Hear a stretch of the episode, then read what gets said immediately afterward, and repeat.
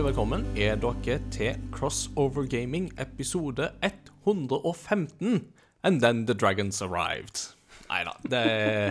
Beklager. Det, jeg, ble enda, jeg, ble sittende med den der regla der for eh, et par uker siden, men det var jo noen som min, min, bror var det vel som minte meg på en sånn gammel sånn internettlek om at eh, ta første setningen i favorittboka di, og etterpå det så legger du til setningen And then the dragons arrived. Da kan du få noen veldig gøye resultater iblant. Men vi er ikke her primært for å snakke om drager. Det kan hende det blir noe om det òg, men jeg er mest her for å snakke om dataspill. Og vi, det er da meg, Ingar Takanobu Hauge, og jeg har med meg Peter Jøkjell. Yes. Og etter hvert i temadelen, der vi skal snakke om Super Mario Bros. Wonder, da kommer Jon Edvard Genius òg med. Han uh, hadde en litt travel, travlere innspurt på veka enn det han i utgangspunktet hadde regna med, så da uh, ble, ble, det litt begrensa opptreden. Men han kommer med oss etter hvert, iallfall. Men uh, Peter, hvordan går det med deg? Uh, det går helt OK. Mm. Ja. Uh, jeg har hatt en litt sånn down-periode, uh, egentlig. Og jeg, det, det kom dit i livet at jeg, jeg vil være ærlig på hvordan jeg har det. Så helt midt på treet. Nå i liten opptur i går og i dag. Mm. Så det, nå går det rett veien igjen. Men det Ja, det er kjekt å høre. Ja, klarer meg fint, altså. Det, ja. jeg, har det fint på arbeid. Lærer mye der. og jeg er fortsatt glad i kona, hun er glad i meg. Så det, så det, det er bra, det. det er som regel det viktigste, tenker jeg da. Så det, nei, det, går helt fint. Ja. nei, men så bra. Nå, jeg tenker at det er, livet er litt lettere når vi tør å snakke sant om det, på en måte. Det å gidde å lyge for seg sjøl, det er ikke så kjekt. Det, er slitsomt. Det er mm. tungt. Du blir veldig ensom i lengden. Så da er jeg enig, da er jeg ærlig med deg og den som hører på. Ja. Så øh, håper jeg at øh, ja, folk òg er klare over ærlige når jeg spør om hvordan de har det. For ja. jeg foretrekker å høre sannheten. Jeg pleier å si det at jeg er ikke så veldig glad i herlighetsteologi, men jeg er veldig for ærlighetsteologi. Ja, pluss én på den der. Yeah. Hvordan går det med deg? Du, eh, jeg er jo i en uh, veldig god periode akkurat nå, for å være helt mm. ærlig. Jeg har jo hatt Jeg bare gni det. det. Det føles jo litt feilt å skulle si det. Nei, nei det er jo ikke det, men altså det men, Helt uenig. Ja, nei, men altså, jeg har jo Jeg begynte jo nå på arbeid igjen etter to uker ferie, så det var veldig mm. godt å ha, egentlig, den der eh, det å ha minst ei uke litt sånn i oktober-november-skiftet, det tror jeg er veldig lurt og veldig mm. greit. Og for oss som ikke har barn, så er det egentlig veldig greit å kunne ta ferie utafor skolesesonger og sånt. Så det er jo veldig, veldig nyttig. Mm. Men hovedgrunnen til at jeg liksom fortsatt er en litt sånn god peak, er jo det at um, jeg har jo tidligere snakka litt om min forkjærlighet for uh, det japanske baseballaget Hanshin Tigers, ja. som har vært mitt lag i alle herrens år. Mm. Uh, og sist gang Tigers vant Japan Series, det var i 1985. Altså det er før jeg var født. Ja. Og siden den og det som jo, Her må jeg jo ta en sånn liten sånn baseballhistorie og snakke litt om uh, en sånn festlig det er jo ingen som er så overtroiske som sportsfans, og det gjelder jo òg i baseball. Mm, for, da Tiger, for, da Tigers vant i 1985, så skulle liksom fansen De feire med å ta Å finne en iblant publikum, liksom av alle de som var ute og feira i Osaka og så tok de og fant en som ligna på hver spiller på laget, mm. og lempa i elva, i Dotombody-elva midt i Åsaka. Ja, det gir mening. Sånn man jo gjør. Ja. Uh, men så kom de til et problem da de skulle finne noen som ligna på Randy Bass, som jo var den store Tiger-spilleren det året. For hvor finner du en stor litt godslig amerikaner med masse skjegg midt i Åsaka sentrum eh, sånn midt på natta en eh, dag i oktober-november. Det er ikke så lett. Jeg er sånn tilfeldig på forbipasserende akkurat. Stakkars. Fullt av japanere kommer deg til elva. nei, jeg var på ferie. Jeg visste ikke at det var baseball engang. Og så plutselig lå du i elva. Aldri gått til Japan igjen. Så da, det de da, da gjorde, da tok de det første og det beste de fant, og det var da en statue av Colonel Sanders, altså maskotten til Kentucky Fried Chicken og lempa den på elva. Det er kjempekomisk. Ja. Uh, men så oppsto det jo i kjølvannet av dette her, så ble det jo sånn at The Tigers tapte jo alt som nærmest kunne krype og gå, og da begynte jo den her uh, sagaen om oberstens forbannelse, The Curse of the Colonel, begynte jo å mm. rullere. Som da sa at inntil de fant igjen denne statuen av Colonel Sanders, så ville Tigers aldri vinne igjen. Og lenge så så jo dette her ut til å stemme, eh, fordi at eh, Obersten ble jo aldri funnet, og de vant jo fortsatt ingenting. Det er jo veldig Så, fascinerende. ja, ja. Ikke sant. Um, men så klarte de jo faktisk å finne igjen denne statuen på et tidspunkt for noen år siden. Og de restaurerte den, og da begynte jo tanken om at nå skal Tigers endelig vinne igjen, og det har jo ikke skjedd. Og så kom jo året i år der jo Tigers har vært i en ekstremt god sesong. Og så vant de Central League, altså sin liga. Det er jo to ligaer som spiller parallelt i dette her. Og så vant de Climax Series, som er liksom det der finalesluttspillet inn imot det å sikre seg en finaleplass. Og da var jo spørsmålet Tenk, er det faktisk i år det skal gå? Uh, og de kjempa mot et annet lag som òg er fra Kansai-regionen, Oryx Buffaloes. Og det begynte bra med at de vant 8-0. Så tapte de 8-0, og, og så har liksom den sagaen der gått. Og så kom de faktisk meg til at det sto 3-3 i antall kamper, og det er jo første lag som vinner fire kamper. Så, dette, så det var liksom, de gikk helt til siste dag. Du fikk den ultimate finalen. Du liksom. fikk den ultimate finalen. Ja. Og, og bare sånn for å illustrere hvor jevnt dette her var, nå er jo ikke poeng noe som betyr noe her, det er jo antall seire som betyr noe. Men etter de da seks kampene som de hadde spilt, så var, hadde begge lag fått inn 23 poeng. Og i eh, hit-statistikken, altså antallet liksom gode slag de hadde fått inn som hadde gitt muligheter, den var 54-50 i Tigers sin favør.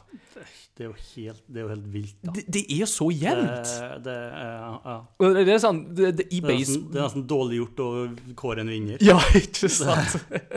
Men så skjedde jo faktisk det helt mirakuløse, og det var jo det at Tigers tok seieren. Eh, 5. november. We will remember, remember. The 5th of November, for å si det sånn. Så for første gang på 38 år så vant Tigers Japan Series. Eh, og bare sånn for å ta spillkoblinga inn i dette her eh, i, Da Tigers vant Central League for første gang på kjempelenge i 2003, så kom det jo ut en egen GameCube-utgave med Tigers-logo og Tigers-fargene på i Japan. Stemmer. Så tenk om vi nå får en Nintendo Switch med de samme greiene. Det hadde vært veldig, veldig gøy. Åh, banken til Ingar Kviersvik. Jeg har allerede gitt beskjed til Marius Marius Bergersen i Japan at hvis dette her skulle komme for salg Pris har ingen betydning. Det, det, det, det er ubegrensa budsjett på Marius det. har en eh, potensiell veldig lukrativ eh, avtale foran deg. Nei, jeg lover, den kosta 54 000. Ikke 3,5 som det sto på butikken. Nei, ikke sant. Ikke sant. Så i min første dag på jobb, da var jo liksom den der seieren fortsatt altså, mindre enn 24 timer siden. Du var høy på livet da. Var, da er du høy på livet, altså. Så det um, kjentes godt, for å si det sånn. Kjente litt på det at, jeg at vi, var, vi hadde planlagt eh, tur til Sverige den dagen der, for da hadde jeg lyst til å se eh, baseball med oss. Ja. Kjent på den, men eh, Nei, men så kult. Det, det virka vanvittig artig. Det var, det var kjempestort, altså. Det, var en, eh, det var en fin dag, rett og slett. Skal vi snakke litt mer om spill, da? Når vi snakker om eh, baseball, så er den stemmer, ferdig. Det er gamingpodkast her. Ja, tenk det. Ja.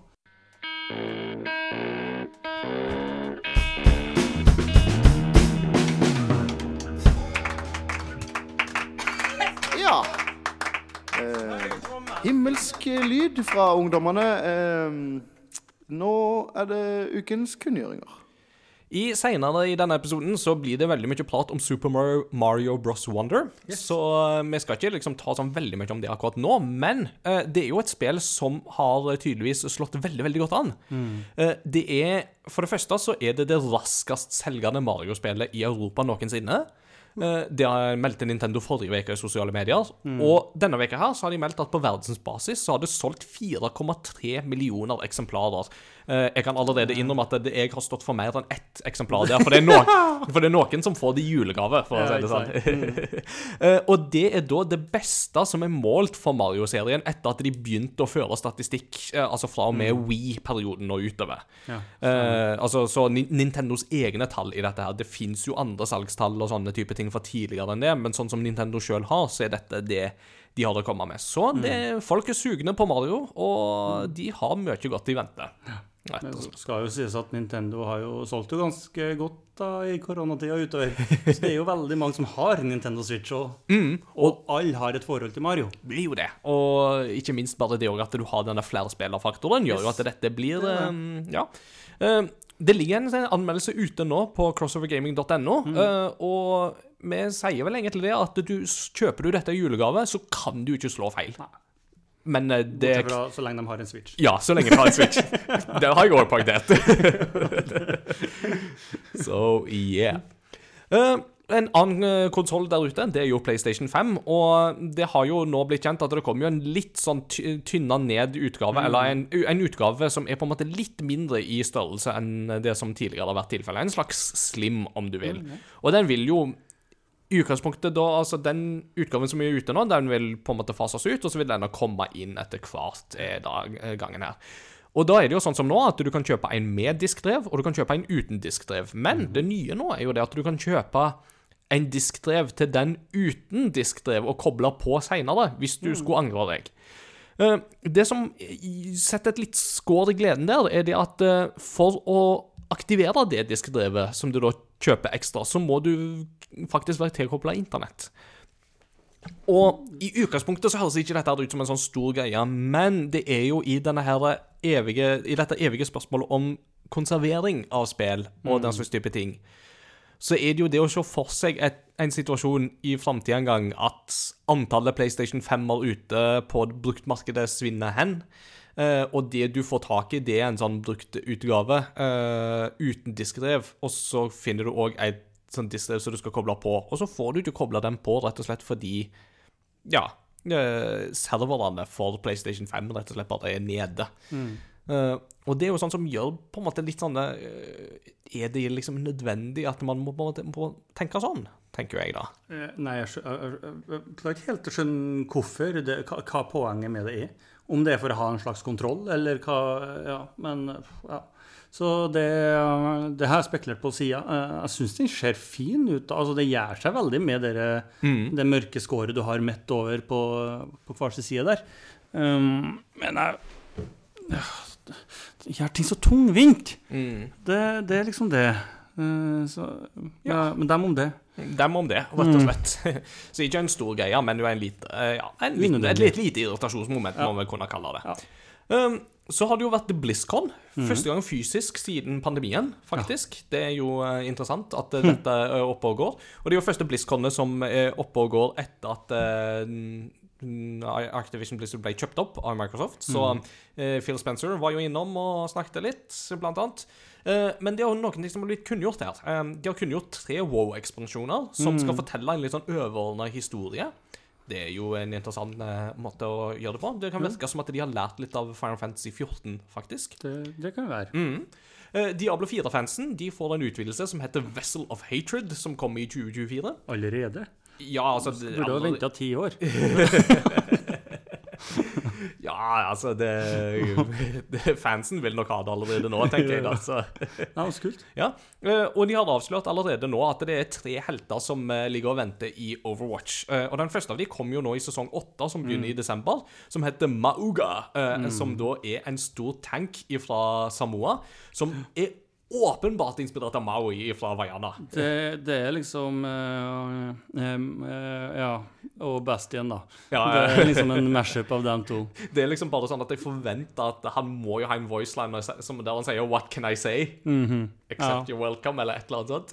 Det, det, det må til. Ja da, han eh, går rundt med to eh, Gatling guns. eh, en stor tank som han sjøl Altså, Se for deg Maui som går rundt med to Gatling guns, der den ene heter Gunny, og den andre heter Cha-Cha. Ja. Ja.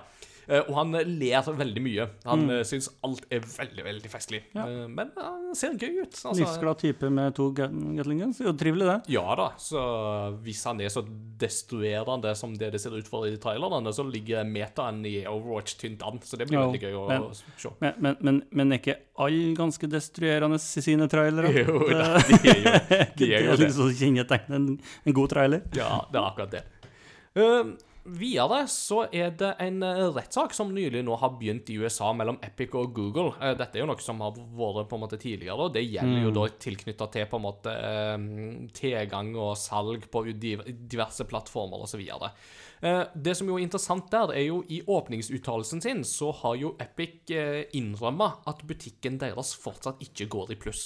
Så Epic Game Store sliter fortsatt med å gå, å gå i minus. Ja. Og hva tenker du, Peter? Altså, Epic Game Store eh, det er jo, altså En ting er jo at de kunne jo ha slutta å gitt ut masse spill gratis, men det er jo et av de store trekkplastrene de har. Det, det er liksom det. Mm, Men hva tror du skal til for at Epic Game Store skal klare å bli enda mer populær? For det er jo fortsatt mange som er veldig skeptiske og kritiske til mm. butikken. Det, akkurat det syns jeg er vanskelig å si. For det er um, det, det er et krevende marked. Eh, altså Det å drive inn i gaming er dyrt kost, og sånt. Og så er vi vanemennesker. Eh, vi har funnet oss en ting vi liker, og da holder vi oss til, til det. Og um, Epic har jo arbeidet, og tror egentlig de har gjort ganske mye bra. Um, men så har det nok òg vært en sånn at de har de har endt opp i eh, Hvis at folk skal ha spill derifra, så er det gratisspiller. Mm. Eh, og så er folk mer interessert Eller sånn Du får de aller fleste andre spill som du har interesse av bruk for i um, Får du jo på altså, um, Microsoft sin, eh, sin tjeneste, Mm. og andre, da. Det, så det, det blir veldig eh, vanskelig. De har alle klart å bli så stor. Eh, Steam har den uh, posisjonen Mm. som Epic drømmer om. Mm. Uh, hvor det er den som aller flest Altså skal du kjøpe et spill, du starter ofte på Steam. Ja. Uh, gjør du, og så Og så går du videre der. og så går du videre derifra. Så er det på tilbud på Steam, så kommer du aldri til Epic. Nei. Bortsett fra hvis du sjekker senere og oppdager at oi, der var det gratis. Men anyway. Mm. det, det blir litt sånn. Så Mm. det, det er en vanskelig ting. Og det, det har jo skjedd med folk som har prøvd å prøvd tidligere òg. Altså hvor mange forskjellige spilleselskap eller eh, forsøk på å ja, Der du skal ha selvspill som har gått i dunken fordi de, du klarer ikke å komme opp og fram. Mm. Uh. Ja, jeg tror jo det er, det er jo et par sånne der brukergrensesnitt-ting som de fort kan på en måte gjøre eh, bedre. altså Både med, tanke på på en måte ønskelister og handlekorg osv., men òg bare navigasjonen eh, i, i butikken i seg sjøl tror jeg trenger noen løft. Og så tror jeg jo det at Steam har jo veldig gode muligheter når det kommer til dette her med å på en måte sortere og bygge ditt eget bibliotek. Der Ja, det mangler det er- fortsatt veldig mye funksjonalitet i Epic Game Store. som... Mm. Hvis vi kan få noen av de tingene på plass, så tror jeg jo at da begynner, da, da begynner vi å se på noe, altså. Mm. Så, og jeg, jeg tenker jo det at konkurranse er sunt uansett. Så jeg, Jo, jo. jeg syns jo egentlig det Jeg vil jo ha Epic Game Store, for Mm. jeg vil jo at eh, konkurransen skal være der. Men eh, Mm. da krever det jo at de, de må få gjort noen ting. jo, du kan ikke gå i minus hele veien. Nei, det Og jeg vil ha mine gratisspill, så jeg vil ikke at de skal gå i eh, minus. Jeg vil like dem. Ja, ikke sant? Eh, apropos en alterna et alternativ til Steam, så har du GOG. Uh, det som jo Mhm. tidligere sto for Good Old Games. Uh, de har jo liksom aldri prøvd å konkurrere direkte med Steam, sånn sett. Det er jo mye mer nisje, og har Mhm. etablert seg veldig godt i sin nisje. Et spill som jo har eh, nytt godt av å være på GOG, det er jo Baldur's Gate 3. Mm. Og nå er det lagt til en achievement i GOG-versjonen av Baldur's Gate 3 som tyder på at en permadeath-modus er på vei til spillet. Og det er jo interessant, særlig hvis du begynner å kombinere det med de høyeste vanskelighetsgradene. Oh. Så hva sier du, Peter? Frister det å bryne deg 60 timer i et spill for så å miste alt du har gjort? Vil du, ben, eh, Benjo, vil du bare gi en kommentar på det her i, eh, i eh, Crossover Gaming, om hvordan det kommer til å gå? Um, jeg tror det sier for seg sjøl Yes. hvor dårlig idé det er. Det er for... Det er mye idiotisk. Ja, det er, men altså, tenk deg hvis noen faktisk klarer det på høyeste vanskelighetsgrad. Da det, da er du flink, altså. Jo, men du har jo folk som har spilt igjen alle software, eh, From Software-spillene uten å ta skade. Ja. Du er ganske nervøs når du nærmer deg slutten på også siste er- boss. Og så er det jo det med at her har du det der terningselementet inne i bildet jo òg, som jo overlater mye mer ting til tilfeldighetene. Så Gi meg styrke. Men veldig, jeg, jeg syns det er kjempekult. mm. Fordi da trekker de jo inn eh, mye mer av den realistiske. DND-opplevelsen. Fordi altså, i DND er du død, så er du død. Nemlig. Eh, eh, eh, igjen spør Benjo, han har drept meg mange ganger uh, i DND òg. Uh, eh, hvor en annen endte opp med å slakte nesten en hel by til en gud for å prøve å få meg i live igjen. Uh, ja, det funka ikke, og han ble da evil. Uh, anyway, så, det, så Men så jeg syns det er veldig kult. Jeg får. Mm. Så er det noen Zelda-nyheter som er veldig gøye å få med seg. Vi kan jo begynne med den eh, ferskeste av de, nemlig det at The Legend of Zelda skal få en spillefilm. Ja. Det er jo eh, relativt eh, fersk nyhet. Mm. Den som står for regien der, det er Maze Runner-regissøren Wes Ball. eh, Mens eh, Avi Arad, som jo er mest kjent for å ha produsert Spider-Verse-filmene, skal være produsent. Og det som jo er litt sånn ekstra kult her, er jo det at Nintendo og Sony går sammen om type Når det kommer til finansiering og distribusjon av denne filmen. Fordi at Sony har jo er jo godt etablert på filmfronten på det området, så der skal de faktisk samarbeide. Det er kult. Ja, Så hva tror du, Peter? Eh, er dette Tar du mm, på deg hype-tunikaen med en gang, eller Det, Det jeg syns er veldig artig og litt fascinerende, det er jo ikke så lenge siden vi drev og snakka om hvilke spill vil vi ha som film, mm. hvor alle var enige om at Selda har vært kjempekult, men hvordan i huleste skal de gjøre det? For Selda får ikke lov til å snakke. Nei. Det, Link. Det, ja, Link. Wow, der, eh, der er ikke, der er ikke altfor fort. Link har ikke lov til å snakke. Eh, og når hovedkarakteren ikke skal snakke, hvordan fikser du den? Altså, altså det, det blir det, det, for, for Skjer det, da er det jo litt sånn Mm. ah, Og så, ja. Og så er jo spørsmålet her, ikke sant Altså, hvor, eh, hvor eh, mm, Hva for en link skal man ta utgangspunkt i? Ikke sant? Altså, og hva for et Zelda skal man ta utgangspunkt i? Går du inn i en Ocarina of Time-periode? Skal du ta en Link to the Past-periode? Er det en Breath of the Wild-approach du skal ha til dette her? Ikke blir sant? ikke overraska hvis det er, eh, fordi det er det folk kjenner nå. Mm. Det er jo Eh, fort det vi kan gå til. Du må liksom opp i min og generasjon og oppover for at de skal ha et forhold til mye av det andre. Mm, så det er jo fort det det Så, blir. ja. Men eh, personlig så håper jo jeg gjerne på en sånn Ocarina of Time-approach på dette. Oh, det Men eh, det, det blir i hvert fall uansett veldig veldig spennende å Mm. se. Og hvis de klarer å flette inn en voice eh, der eh, en replikk der Link sier 'Well, excuse me, princess', så er jo veldig mye gjort. Eh, om de klarer det bare for å få det til, så hadde det vært veldig gøy. Eh, men det er ikke de eneste Zelda-nyhetene, for Tears of the Kingdom selger så det griner. Det har passert nå 20 millioner eksemplarer. eh, og antallet solgte Switch-konsoller har vi òg fått et tall på, som er 132,46 millioner. Som jo gjør at det kryper stadig nærmere PlayStation 2 sin rekord på 155 millioner. Eh, Det er så mye, det. ja, det er kjempeimponerende. Det er ikke Og eh, Elden Ring solgte jo 20 millioner eksemplarer i fjor. Men det var jo på tvers av flere plattformer. Tears of the Kingdom er ute på én plattform alene og har vært ute siden 12. mai. Dette er ekstremt imponerende tall. Oh. Det er to veldig forskjellige spill òg. Det er det jo. Du, Selda treffer Mm. eh, treffer en hel, flere generasjoner på en helt Altså på for, for Alle kan nesten finne på å ta opp cella, fordi det er vakkert, det er ikke vanskelig å komme inn i det. Mm. Altså Skal du starte en plass med et sånt type spill, så er cella fint å starte med. Veldig. Uh, og så så det, så det er vanskelig å sammenligne, men jeg skjønner godt hva du mener. Mm. Det, det, det setter perspektiv. Ja. Eh, og samtidig, det er jo kjempeimponerende at Elden Ring solgte 20 millioner eksemplarer, når Jo, det, det er liksom kjent for å være sånn Altså for, folk som liksom lager notorisk vanskelige spill som er laget for å straffe deg, så er det jo Begge deler er imponerende. Som du sier, to forskjellige beist her som er imponerende på hver sine Ja, det er kult. Da. Mm. Så over til de litt, eh, en litt mer kjedelig segment av nyhetssjiktet. Sånn kan det gå av og til. Det er to navn som har tidligere vært med på å jobbe på indie-darlingen Night in the Woods. Eh, henholdsvis Bethany Hockenberry og Scott Benson.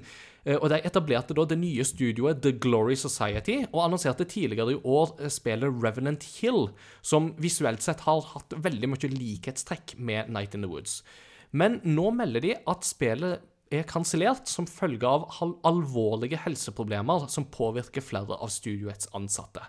De har ikke gått spesifikt inn på hva det er snakk om, om det er fysisk eller mentalt, men de sier jo det at vi er et lite studio med mange i studioet som har mange hatter på, og en sånn situasjon som vi da har havna i, påvirker studioet som en helhet. Så i praksis så betyr dette at utviklinga på spillet stopper opp på dette tidspunktet. Og det er jo veldig trist at uh, det skjer. Uh, samtidig så er det godt at man eh, kan sette helsa først, og ta disse tingene på alvor. Altså, jeg vil si at det er ganske forbilledlig. Mm. Uh, og faktisk Altså, ja nå at Når de er på Nå er vi på et stadie hvor så mange er påvirka av det, og at de da velger å bare OK, nå må vi, nå må vi ta i bremsen. Nå, nå er det oss først, og så uh, kan vi heller se på kan levere et produkt uh, ved senere tidspunkt. Uh, det står- vi vet jo ikke hva det er for noe. Nei. Men da, det er jo noe, noen, som, noen, noen som antageligvis har krasjlanda på et eller annet vis. fort, lett å tro, i hvert fall. Ja, det kan jo fort være det, men det kan jo være fysiske ting, ikke sant? Som, altså, og Der er det jo mye som kan spille inn. Så det er viktig at man tar Potensielle ting, er, den lista er lav, Ja, så det er- trenger ikke å gå så mye inn på. Nei. Men vi ønsker alle involverte god bedring, og hvem vet, kanskje de en gang på et senere tidspunkt kan ta opp igjen arbeidet. Eh, Et eh, annet eh, prosjekt som står litt i fare for å bli lagt ned, det er Free Radical Design. Eh, Og dette er et navn som eh, gir meg litt sånn gode assosiasjoner. Fordi Free Radical Design det var et studio som ble oppretta av tidligere ansatte i Rare, de som jo lagde Banjo Kazooie, Donkey Kong Country, Diddy Kong Racing, uh, Conquers Bad for a Day osv. osv. Uh, en del av de lagde studioet Free Radical Design i 1999, og de ble jo mest kjent for Timesplitters-serien, som jo blant var ja, ja. veldig stor på GameCube og PlayStation 2. Og, altså, ut, Timesplitters 2, utrolig bra spill. Eh, det er jo liksom det nærmeste du kommer en god al- Altså, du, du ser på en måte at her har de tatt mye fra Golden Eye-DNA, og så lagde Ja, de Timesplitters eh, 2. Alle spilte sjøl, men jeg har um, eh, som vanlig i min barndom Jeg har en kamerat som spalte mye, så har sett på. Ja. og, og det skal man ikke undervurdere. Det skal vi komme litt tilbake til. Ja, absolutt. Altså, nei, men nei, på ingen slags måte. Ja, det er sant? veldig kjekt. Det er veldig kjekt, det. Yes. Uh, men uh, Free Radical Design er jo nå en del av denne store Embracer Group-paraplyen, og nå kan det virke som at dette studioet er det neste studioet som står i fare for å bli lagt ned. Ja. Uh, og det er veldig synd, fordi at eh, det har vært litt sånn håp de siste par årene om at eh, det er ting i gjære hos eh, det studioet, og at eh, kanskje en Timesplitters 4 er på vei. Eh, nå kan det se ut til å ryke, dessverre. Men så til slutt så må vi jo snakke om et spill som folk eh, har venta på i ganske lang tid, og som vi kan være ganske sikre på skal komme, nemlig GTA 6. Oh, yes. Grand Theft Auto 6. Vi vet at det spillet er under produksjon. Det er nå faktisk hele ti år siden Grand Theft Auto 5 først kom ut på PlayStation 3 og Xbox 360. Og så var det det han starta med på Ja. PlayStation 5 Real. Og, ja, ja, ja. Tenk det. Det revolusjonerende nye spillet GTA 5 kommer nå på PlayStation 5. Der hadde noen en kortslutning, eller veldig mye penger. altså. Ja, ja det, var, det var nok mye penger. Ja. Uansett, um, en annonsering av en annonsering, det er jo en litt sånn uting. Men når den annonseringa er eh, Rockstar som annonserer at det kommer en trailer for GTA 6 i begynnelsen av desember, da tror jeg verden følger litt med på dette her. Altså, det der, jeg, jeg tror de gjør det rett og slett for Altså, de, de skal ta noen rekorder på antall views i løpet av de første fire minuttene av eh, etter en den, Altså, den, den videoen kommer til å eksplodere. Og, Mm. Og, altså, ja, og I forrige episode så snakket vi jo om at Minecraft har jo nå passert 300 millioner solgte mm. eksemplarer, som jo er ganske vanvittig. Men GTA 5 ligger jo på over 100 millioner, det òg, som jo er temmelig imponerende. Så da vet du at dette her, det er et spill som folk klør etter å få tak i og begynne å spille. Og eh, det er jo ikke sånn at eh, Rockstar har eh, holdt på å si, hvilt på Altså, De har ikke ligget på latsida de siste ti årene. De har jo annet gitt ut et spill som heter Red Dead Redemption 2, som jo er ganske stort og Det omfattende. er heftig flaggskip. så det er jo ikke at de, ja, de har jo, de har jo arbeid. Ja da, det, de har det. Men eh, det er jo ingen tvil om at eh, som sagt, det er ti år siden det forrige GTA kom ut. Nå er verden klar for å se hva Rockstar kan finne på med et helt nytt konsept, en helt ny setting, helt nye rollefigurer med helt ny maskinvare i bånn. Dette blir spennende å følge med på. Å, jeg syns så synd på han som har lagd manus. Det er en skummel jobb. La oss stå bak historien der. Ja. Men, Men men, men, men, la oss ta litt sånn spekulasjoner, da. Altså, har du noen tanker knytta til på en måte Hva tror du de vil legge seg på? Altså Eh, historiemessig? Ja, altså, vi, eksempel. vi, vi, vet jo at det det største GTA-kartet noen gang. Mm. De slår jo sammen kartene fra uh, GTA eh, San Andreas og opp til fireren, i hvert fall. Mm. Um, så det, så det, vi snakker jo om et ganske Det er et massivt prosjekt. Ja. Eh, vi vet at uh, i GTA-verden så la, startet du med uh, å finpusse grafikken først. Det lærte vi jo når vi kom. Litt ja, det lærte vi jo av Det den var andre ekspert. Ja. eksperten der. I'm an expert at video games. Graphics is what you do finish first. Yes. Um, altså jeg, jeg er veldig spent på hvem av de folka som du er kjent med fra før av, da, Mm. eh, vil vi få til gjensyn med. For det er jo um, når, Siden vi skal tilbake Mm. til gamle trakter, Ja. eh, i flere omganger her, Ja. vil vi òg da få muligheten til å styre eh, og kontrollere en del av de tidligere kjenningene. Vil, Eh, eh, vil CJ fra gamle liksom GTA dukke opp liksom på trehjulssykkel og Mm. snakke om Oh, here we go again. mm, og på gamlehjemmet, da. Men det, Here we go again, back in my day! Ja. -hmm. Så nei, så jeg syns det er eh, Jeg skal være helt ærlig, jeg har prøvd å unngå så mye som mulig fordi jeg har Ja. Mm. eh, jeg er spent eh, Ja. på det, og jeg gleder meg. Eh, Mm. jeg, jeg driver fortsatt og vurderer om jeg har lyst til å spille når det kommer ut, eller om jeg vil vente par, noen patcher har røkket å komme i, fordi det er veldig sjelden spill som kommer i dag, er helt ferdig. Mm. Dessverre. Mm, jo da, spill er vanskelig. Ja, det gjør det. Og, mens også, men vi, vi, vi, får, vi får se. Mm. Um, En ting som eh, jo folk eh, Jeg tenker det er jo greit at internett er forberedt på det, siden jo internett er sånn som det er. Mm. Men det har jo vært eh, noen tanker tidligere om at vi muligens vil få en slags Bonnie and Clyde-duo å følge her. Mm. der i alle fall en av de personene du følger, er kvinnelig. Ja. Eh, og mm, det er jo veldig kult. jeg tenker jo at det hadde jo vært utrolig kult Mm. eh, å til det i denne settinga her. Og så håper jeg jo bare at internett eh, kan synes det samme, og ikke bare begynne å slenge det under eh, politisk korrekt-bussen, som de jo elsker å gjøre hver gang man Det- ser en kvinne i dataspill for tida. Det, det, det antar jeg ikke, men det er mikropenissyndromet syndromet som folk stort sett har. eh, Mm. Så det er deres problem. Ja. Det, jeg syns det er dødsrått hvis de faktisk gjør det. Mm. Eh, Og ja, kjempefan. Både fordi Hvorfor ikke? Ja. Eh, Det er jo én ting, men òg dere med tanke på at det er vanskelig å være kvinnelig gamer, i hvert fall hvis du er online. Mm. Eh, og bare ja, få et slag inn for dem, da. Og Ja. at de kan eh, få føle seg mer inn og inkludert, eh, dem òg. Det er jo veldig fokus på uh, skeive miljø og sånt. Mm.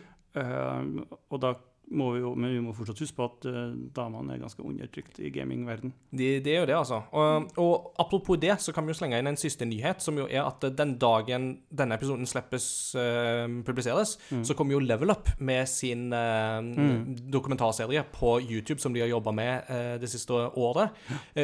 sammen med Medietilsynet, knytta til dette med giftig gamingkultur. Og da Mm. tar de jo blant annet for seg det med eh, å være kvinner innenfor eh, gaming, eller skeiv innenfor gaming, Mm. og hvor mye mer utsatt man da er for den type hatprat og lignende. Mm. Så vi, eh, den dagen denne episoden slipper, så skal jo vi på en sånn lanseringsseminar på Tilt. Det Eh, så det blir veldig spennende for oss å se hvordan dette vil bli mottatt.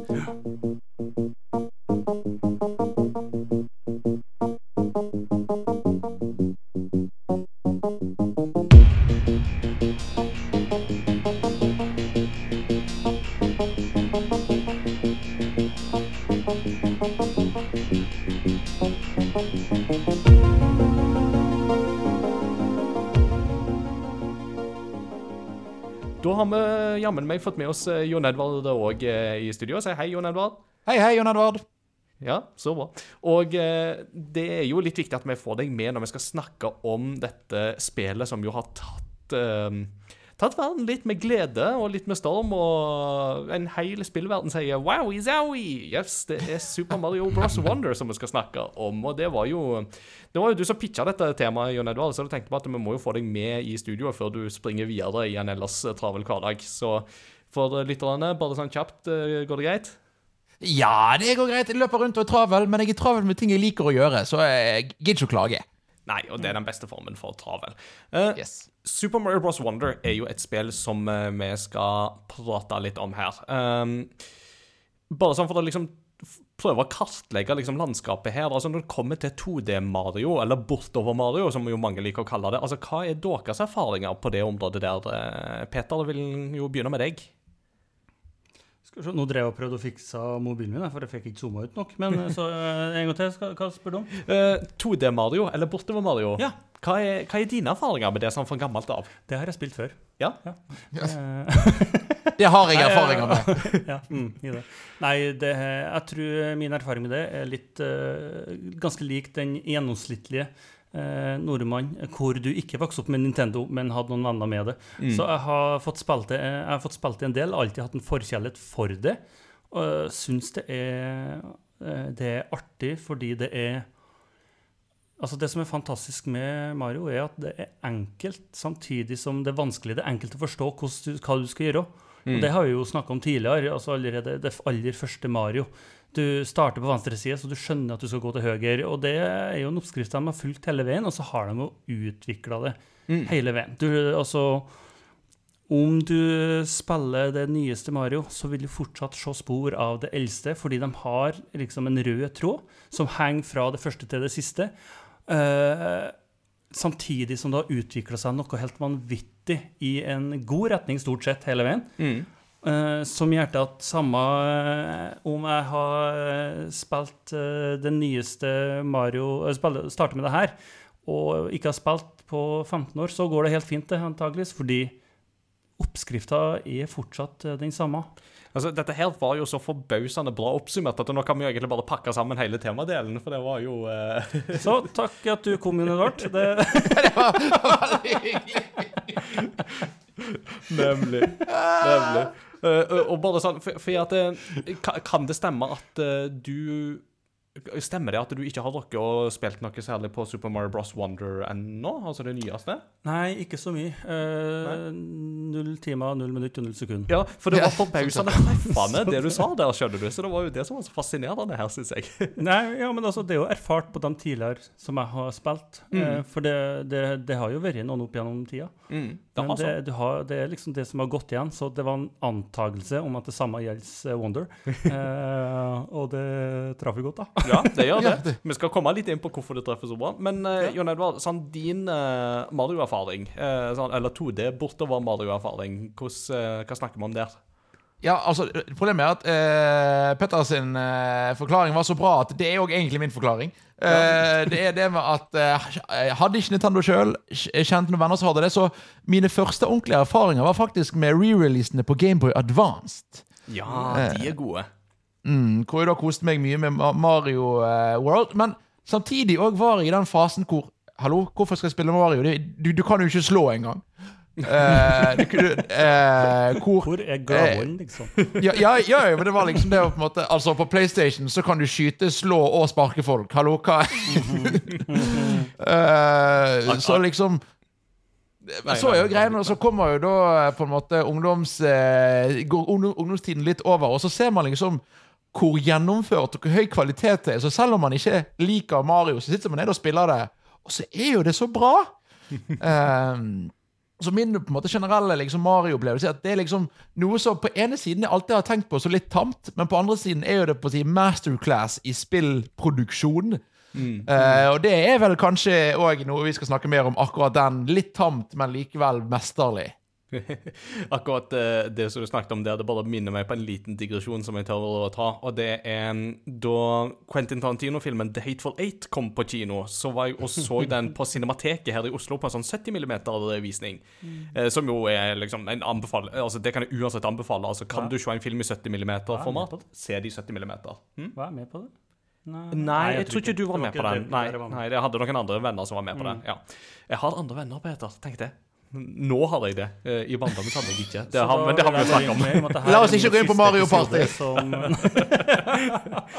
Men uh, poenget mitt var i alle fall at uh, den filmen har jo en intermission uh, midt i filmen. At det er en sånn pause midt imellom der. Og det la de jo inn der på Cinemateket òg.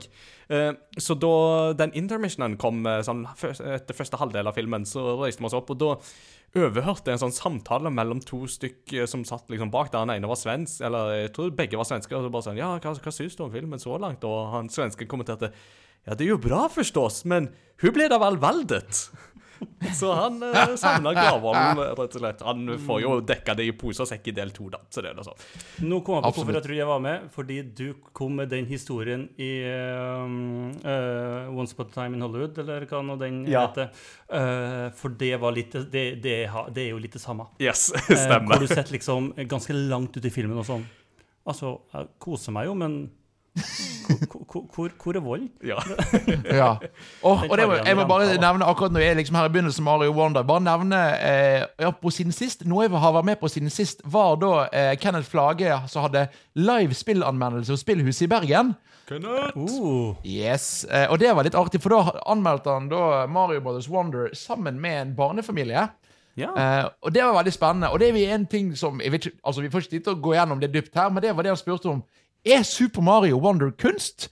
Fordi det er så finpolert. Og det, det blir en interessant samtale på begge sider, men det er jo et, når noe er så finpolert og så trygt som Mario Wonder, er det fortsatt kunst? Ja, nei, osv.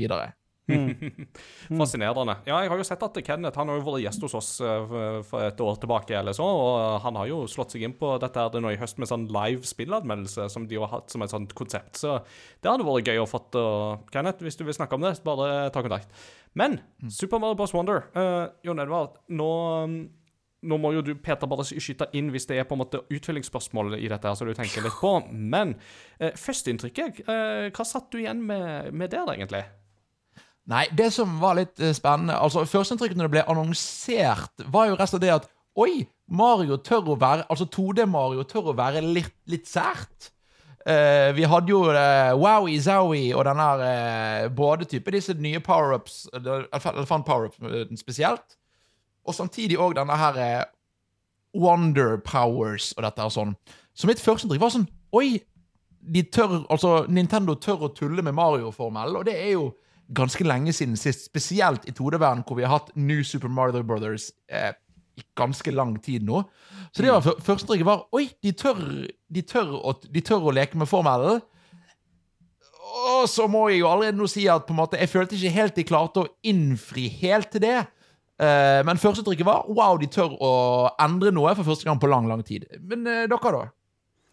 Ja, jeg, eh, altså, jeg satt jo med dette her um, f- Første kvelden jeg satt med dette, så hadde jeg jo besøk av eh, godeste Kristian Fonland. Og hadde jo òg min eh, frue eh, ved min side. Og så satt vi og spilte dette tre stykker lag. Uh, og jeg og, særlig jeg og Kristian satt jo i dette her, og noe av det første vi bare så på, det var jo hvor løft animasjonene i dette spillet har fått sammenligna med New Super Mario Bros.-serien.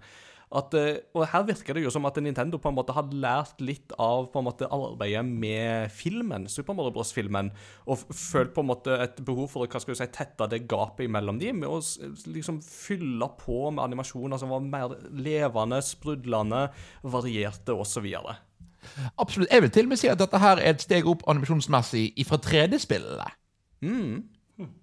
Ja, jeg tør eh, nesten å være enig i det. altså. Det er alt ifra på en måte at når du dukker, at Mario drar liksom hatten skikkelig godt over seg, til på en måte hver bidige sånn frame i forhold til bevegelser og Bare òg dette her med på en måte når du går igjennom et rør, eh, så blir hatten hengende igjen, og så tar Mario neven ut, og så drar hatten igjen til seg. Eller kikker litt sånn forsiktig ut når de går ut og bare sånn Er det trygt å komme ut av dette røret? Ja, OK. Og så kommer de ut. Altså, det, og, og det skaper sånn sjarm. Ja, ja, altså, Jeg elsker òg animasjonene med den nye elefantformen, hvor da du ser at Mario eller disse andre elefantene får ikke plass i rørene hele tiden. De dytter seg litt ned, og litt sånn sånne småting som det. Hvor vi før har hatt den standard eh, Det er en bildefil som bare trekkes ned, på en måte, mens her er det animert på en helt annen måte. Mm.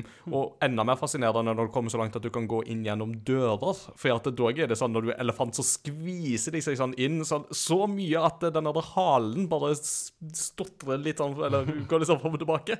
Så kommer de seg inn, og samme da når de skal ut, så er det liksom presser seg litt ut, og så kommer de seg ut til slutt. Så um, Men eh, mitt inntrykk så langt i alle fall har jo vært at dette har jo vært et spill som er veldig lett å kose seg med. Så hva er det som dette spillet da gjør riktig? Jeg tror det handler mye om at det eh, spillmessig beholder mye av grunnmuren til Mario, som da inkluderer veldig eh, veldig ekstremt kompetent design av nivåer, av power-ups av mengden liv, eh, mynter, eh, verdener, alt dette her, med en innbydende verden. Samtidig så det òg eh, tar òg noen steg i riktig retning med tanke på å utvikle formelen, f.eks. med disse badgesene. Eh, jeg tror måten spillet kan introdusere endring både på en måte i karakteroppførsel, men òg i hvilke type nivåer det har. Eh, det hjelper veldig. Samtidig så jeg tror at småting som multiplayer, online-muligheter, eh, er veldig bra. Og så er det noe med at jeg tror um, her har liksom Altså, her er første gang på lenge jeg føler at Nintendos visuelle uttrykk og Nintendos på en måte eh, Ikke bare spillmekanikken i seg sjøl, men òg spilldesignet i hvordan resten av spillet fungerer rundt selve hovedmekanikken, er faktisk like bra som selve grunnmekanikken. Mm, mm. Eh, du nevnte jo dette med badges, og for de som jo da ikke har spilt dette her ennå, så er jo en, en badge det er jo noe som du kan få i dette spillet som gir deg en sånn ekstra mekanikk, eh, gjerne da knytta til R-knappen på, på Switch-kontrollen. Mm. Den mest grunnleggende er jo det at de kan bruke hatten som en slags fallskjerm når de er i lufta. Men så kan du òg få noen sånne badger som gir deg eh, altså, mm, at tyngdekraften blir lettere, eller at du får en slags mm. der Spiderman-evne med at du kan kaste en slags piranha-plant på veggen og dra deg inntil, som var ganske kul. Og, Det er mange sånne, så, sånne hendige sånne ekstrafunksjoner da, som eh, du får, som, som kan gjøre spillet lettere mm, i visse omstendigheter. Og noen brett krever jo visse typer sånne badges for at du skal klare å samle alt. Ja, eh, og så er det òg det på en måte med at du, du kan alltid Du kan, kun, du kan ikke ha alle badgesene. Du får ikke de etter hvert. Du må liksom velge liksom det som passer best i øyeblikket. Og mitt spørsmål, Ingar, er hvilken badge har du brukt mest? Ja, eh, det, det er et veldig godt spørsmål. Det, det har nok stort sett veksla mellom Mellom den her eh, para... Ikke parafly, parafly, parafly, hører du. Nei, nå kan jeg ikke snakke engang. Paraply. Jeg pleide å si parafly når jeg var liten, og det er, et sånt, det er en sånn hangup som jeg fortsatt har, uh, merker jeg. Nei, uh, den, den her fallskjermhatten, da, som jo er på en måte veldig nyttig i en eh, del uh, situasjoner, men jeg brukte òg denne her som lar deg på en måte svømme nesten litt som en delfin. Den er jo veldig nyttig på vannbrettene. Eh, men ellers så brukte jeg jo gjerne en av disse her som lar deg hoppe litt høyere. Um, enten da den som faktisk gir deg et høyere hopp, uh, altså med at du krøker deg først, og så får du en sånn boost da med at du kan hoppe høyere, eller da den som gir på en måte lavere tyngdekraft, uh, sånn at du kommer høyere som følge av det. Um, de opplevde jeg som på en måte de mest nyttige i, i, i dette her. Ja, enig eh, for min del. Og tror jeg det er dobbelthoppet er liksom den som jeg endte opp med å bruke mest. Men eh, Og så var det noen som igjen denne med svømmingen eh, eller denne her Spiderman som jeg følte på en måte ble kanskje litt vel situational, men da satte jeg igjen da pris på at de hadde egne nivåer hvor da eneste jobben du hadde, var å bruke den badgen. Så selv de som du ikke får bruk for fra level til level, får du likevel prøvd deg på og testet ut. Og det satte jeg veldig pris på. Ja, ja, og den type brett de gir en sånn fin avkobling som jeg liker veldig godt med dette spillet, og det er den pacinga. Med at du har liksom de større 2D-brettene som gir på mange måter eh, assosiasjon til de klassiske Altså både til New-formelen, men særlig på en måte Super Mario World og Super Mario Bros 3, som jo er på en måte de spillene jeg har vokst opp med, og som jeg jo er veldig glad i. Um, men så får du da sånne mindre brett som er på en måte utelukkende knytta til disse her badges uh, og den øvelsen der. Og så har du noen andre brett som bare er knytta til sånn helt enkle, små, bitte små oppgaver. Og, og, og det skaper en sånn variasjon i pacinga som jeg satte veldig pris på, og som var veldig deilig eh, i, i det store og det hele. Og det er jo en av de tingene som dette spillet gjør riktig. Uh, i den diskusjonen da med på en måte hva spillet gjør riktig, og sånt, så tror jeg jo det at her har jo Altså, det, det er jo veldig mange småting som kommer sammen og gjør dette her spillet veldig bra. Altså, Det med pacinga snakket jeg jo om, men òg bare dette med kontrollsystemet syns jeg sitter enda bedre enn det det har gjort i uh, New-formelen. Uh, og jeg synes det var veldig spennende her, etter at jeg hadde spilt, å se um, eh, John Linneman i Digital Foundry snakke litt om akkurat det i sin analyse av spillet, der han jo påpeker at uh, du har Altså, bare Når Mario er i fart, hopper på en plattform og så lander, så stopper han mye fortere nå enn det han gjorde i New-serien. Så du kan si at eh, bevegelsen er, ty er tyngre, på en måte. Men det gjør òg at eh, med den med, med, med tyngre kontroll, så får du òg eh, bedre kontroll, vil jeg si iallfall. At det er lettere å styre den slags type ting. Men det viktigste her i dette spillet er jo bare den kreative galskapen som jo utviklerne har fått lov å liksom bare boltre seg i, i dette her konseptet her. Der New-serien kanskje har vært litt, kontro altså litt eh, Ikke kontroversiell, men konservativ, var ordet det var på jakt etter. Veldig konservativ. Eh, lite på en måte sånn Altså, det er jo en Ser du på de eldste Mario-spillene, så er det jo alltid en utvikling fra Super Mario Bros. 1 til 2, uavhengig av om du ser på den japanske eller den internasjonale utgaven av 2, til Bros 3, og så til World, så har det på en måte alltid vært som Peter sier, da, eh, snakket om da innledningsvis, ikke sant? Altså, du kan komme tilbake 15 år senere og kjenne det igjen, eh, men det er alltid en grunnleggende formel her som ligger til bånn og eh, er gjenkjennelig. Eh, det føler jeg kanskje nå i mye større grad er til stede i, New, i, i Super Mario Bros. Wonder, er det at de har funnet til en kjerne, men de har samtidig heller ikke vært redd for å eksperimentere. Og når de først har fått lov til å eksperimentere, så har de fått lov å gå fullt løs, altså. Her, eh, og det er jo særlig da disse her The Wonder Flowers, som jo skjuler seg på hvert brett, som jo virkelig åpner for den der kreative galskapen. fordi at med en gang du går inn i på en måte brettets skyggeside, så vet du aldri hva som skjer. Det er så Noe av det er så til tider nesten psykedelisk at eh, jeg tror at her er det definitivt noen sopp som er ute og går eh, på, på Nintendo-kontoret. Da snakker jeg ikke bare om eh, sånne vanlige røde, røde, røde sopper. Det har jeg for så vidt alltid hatt mistanke om. altså Vi snakker om en serie der en liten mann spiser sopp og blir høy. altså Det er jo noen sånne konnotasjoner der som alltid har ligget i Super Mario-serien. Men Absolutt, nå får de absolutt. virkelig slå seg løs. Eh, og, men, men jeg, jeg sitter jo igjen, som en konsekvens av dette her, med en sånn følelse av at du har den kreative galskapen, du har eh, muligheten til å slippe seg litt løs, samtidig som at de har noen av de viktigste elementene fra gamle tider på plass. Eh, og da sitter jo jeg med en sånn følelse av at dette er jo det beste 2D Mario som har vært siden 90-tallet. Men det kom jo fra en som ikke har vært så glad i New Super Mario Bros.-serien. Hva, hva tenker her vil, Men her vil jeg gjerne ha litt innspill. Ja, jeg eh, må jo si at først og fremst så er jo jeg eh, enig.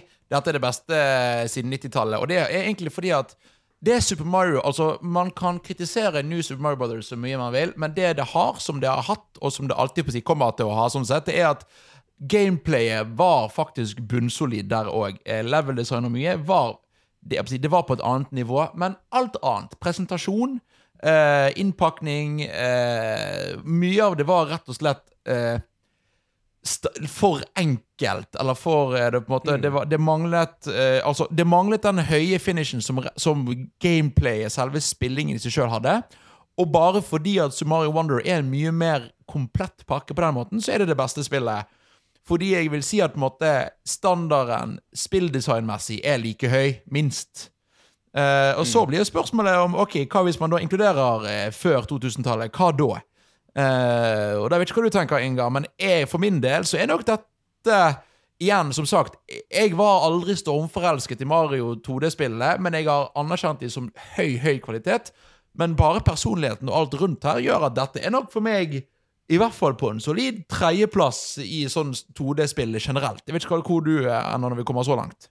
Ja, eh, der er det jo mine barndomsminner som kicker veldig mye inn. ikke sant? Og for meg så er jo Super Mario Bros., særlig Super Mario Bros. 3, er jo noe jeg kan så å si utenat. Altså, det sitter så i fingrene, og det har jeg spilt så mye. Og det, det skal liksom litt til å overgå det. Og òg Super Mario World er en så utrolig solid debuttittel for Super Nintendo at det, det er nesten ikke til å tro, altså. Eh, Og så skal vi heller ikke glemme at Yoshi's Island er et veldig kreativt spill, det òg, med veldig mye variasjoner og solide utfordringer osv. osv.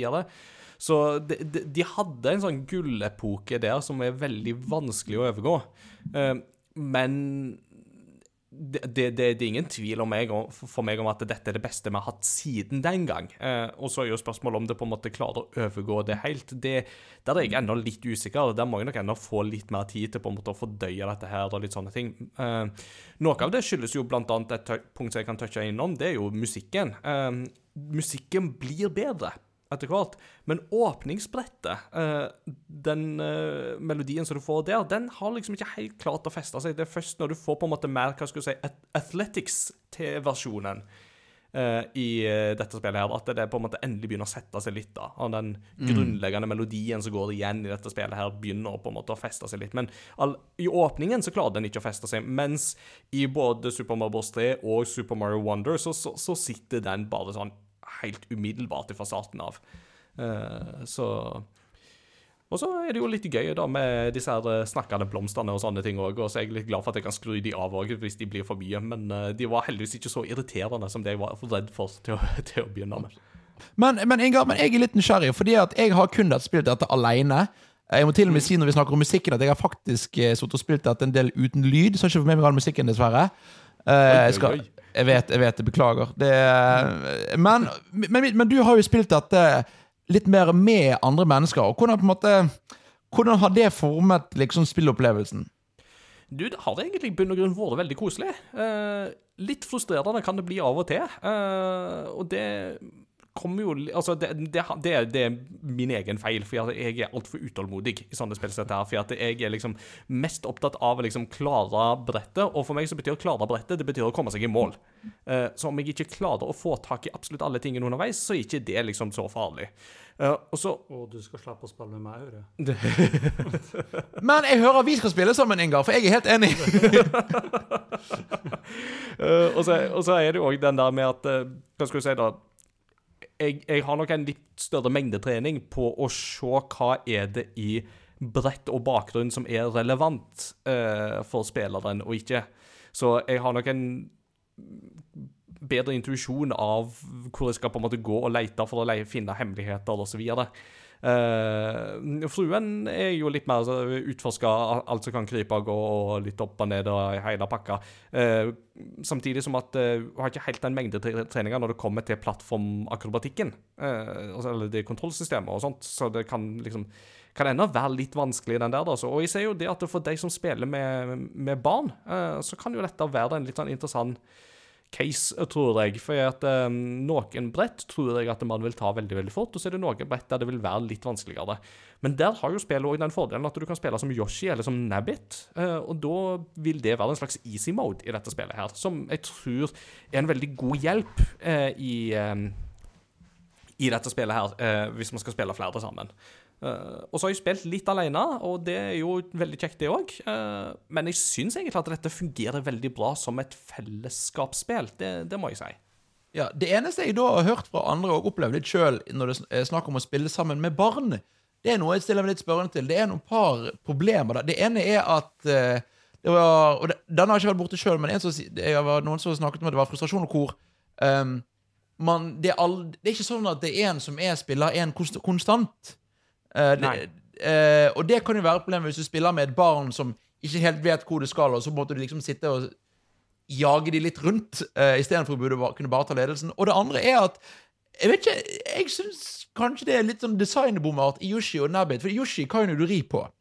Eh, Men i mitt hode, sånn hvis du, ser på, hvis du skulle lagd en foreldre- eller barnekarakter, så burde jo på en måte den barnekarakteren kunne henge seg på den voksne. Mens her er jo det da den som på en måte Den som har easy mode, må da bære den som ikke har easy mode. Og det blir på en måte litt baklengs, kanskje, i forhold til den tanken der. Ja, jeg er enig i det, altså. Det her ehm, Men samtidig så vet jeg ikke hvordan man skulle ha løst det sånn ellers. For at de det er jo Yoshi må ri på Mario. Ja, ikke sant? Altså, altså det, det, jeg syns så synd på Jo- Altså, jeg synes så synd på Yoshi når eh, elefant-Mario hopper på ryggen på Du ser jo at Yoshi lider. Jeg må jo da bare si Det var veldig gøy på denne live spillanmeldelsen. Så sitter da Erlend, som da er faren, som vi også kjenner fra før. Han sier at eh, Ja, og så kan du da gjøre det samme som i de gamle spillene, hvor da Yoshi hopper, og så bare forlater Mar eh, Mario Yoshi da. og, så, og så sier da barnet Ja, men pappa, vi kan ikke gjøre det. Det er ikke snilt. Og da er Erlend Nei, vi vi, vi, vi skal ikke det. Så da er det veldig tydelig at da har Erlend som Mario hoppet av barna som Yoshi. Jeg gleder meg til det barnet begynner å oppdage hva alle eh, Hva Nintendo 64-generasjonen gjorde med en viss pingvinunge. Face it, we've all done it. We've all done it. Absolutt, absolutt. Men eh, ja, si Vi har jo rost det men hva, Ingar, hva er i dine øyne, hva er svakhetene til dette spillet? Hvis jeg skal være helt ærlig, jeg syns ikke spillet har så veldig mange sånn grunnleggende svakheter, er jo min opplevelse her. Eh, det er eh, altså For å ta den useriøse svakheten først. Du har tolv spillbare rollefigurer, men du har ikke Rosalina med i dette. her Og har du ikke med Best Girl Rosalina, da kan du bare gå og legge deg. Altså, det Da har du svikta Ja, Super Mario Wonder, én av ti dårligste Mario-spillere. Jeg snakkes altså, du har liksom du har, du har tre To forskjellige utgaver av Toad. Du har fire forskjellige Yoshi-farger og jeg vet ikke hva, liksom. Men du fikk ikke plass til Rosalina. Altså, what gives? Nei, så det, det nei. nei, men for å ta liksom det mer seriøse, da. Altså, jeg var jo litt inne på det med at musikken kommer seg, men den har liksom noen svakheter underveis. Og dette her som du nevnte med på en måte det å kunne sette lederrollen litt mer fast, det det er absolutt et veldig, en veldig god innvending. Um, og så må jeg jo si at jeg syns jo bosskampene er jo litt svake i dette spillet, her, sånn som de jo gjerne ofte er. For det er jo stort sett bare en variasjon av Bowser Jr. som gjør et eller annet ugagn, og så hopper du på han tre eller fire ganger, og så er det ferdig. Eh, så her savner jeg jo kanskje litt mer variasjon. Der var jo f.eks. Super Mario Odyssey var jo mye mer variert bare der.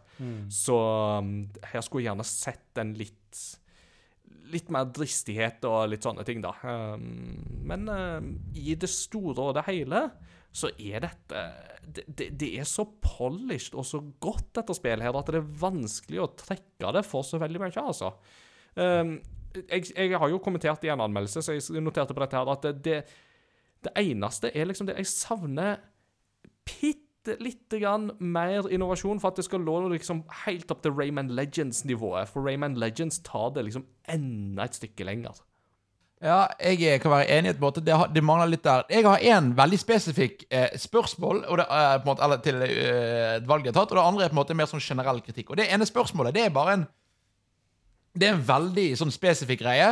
Eh, fikk du da med deg, Inga, at den siste verden den har da krav til flere or, hva heter det, Wonder Seeds enn resten? Lavaverden. Mm, ja. Og, det tenkte, oh, ja, det, og så tenkte jeg ja, dette, dette er på en måte siste verden. Spoilers, I guess. Eh, Yes. Men det resulterer da bare i, i at, eh, i at eh, den siste verden har fire sånne der hus hvor du bare får fire ekstra Wonder Seeds. Så det er veldig, veldig sånn spesifikk. Det virket som de Ok, vi skal lage denne verden litt vanskeligere. Oi, søren, vi gikk tom for brett. Eh, vi bare gir de de resten. Det er.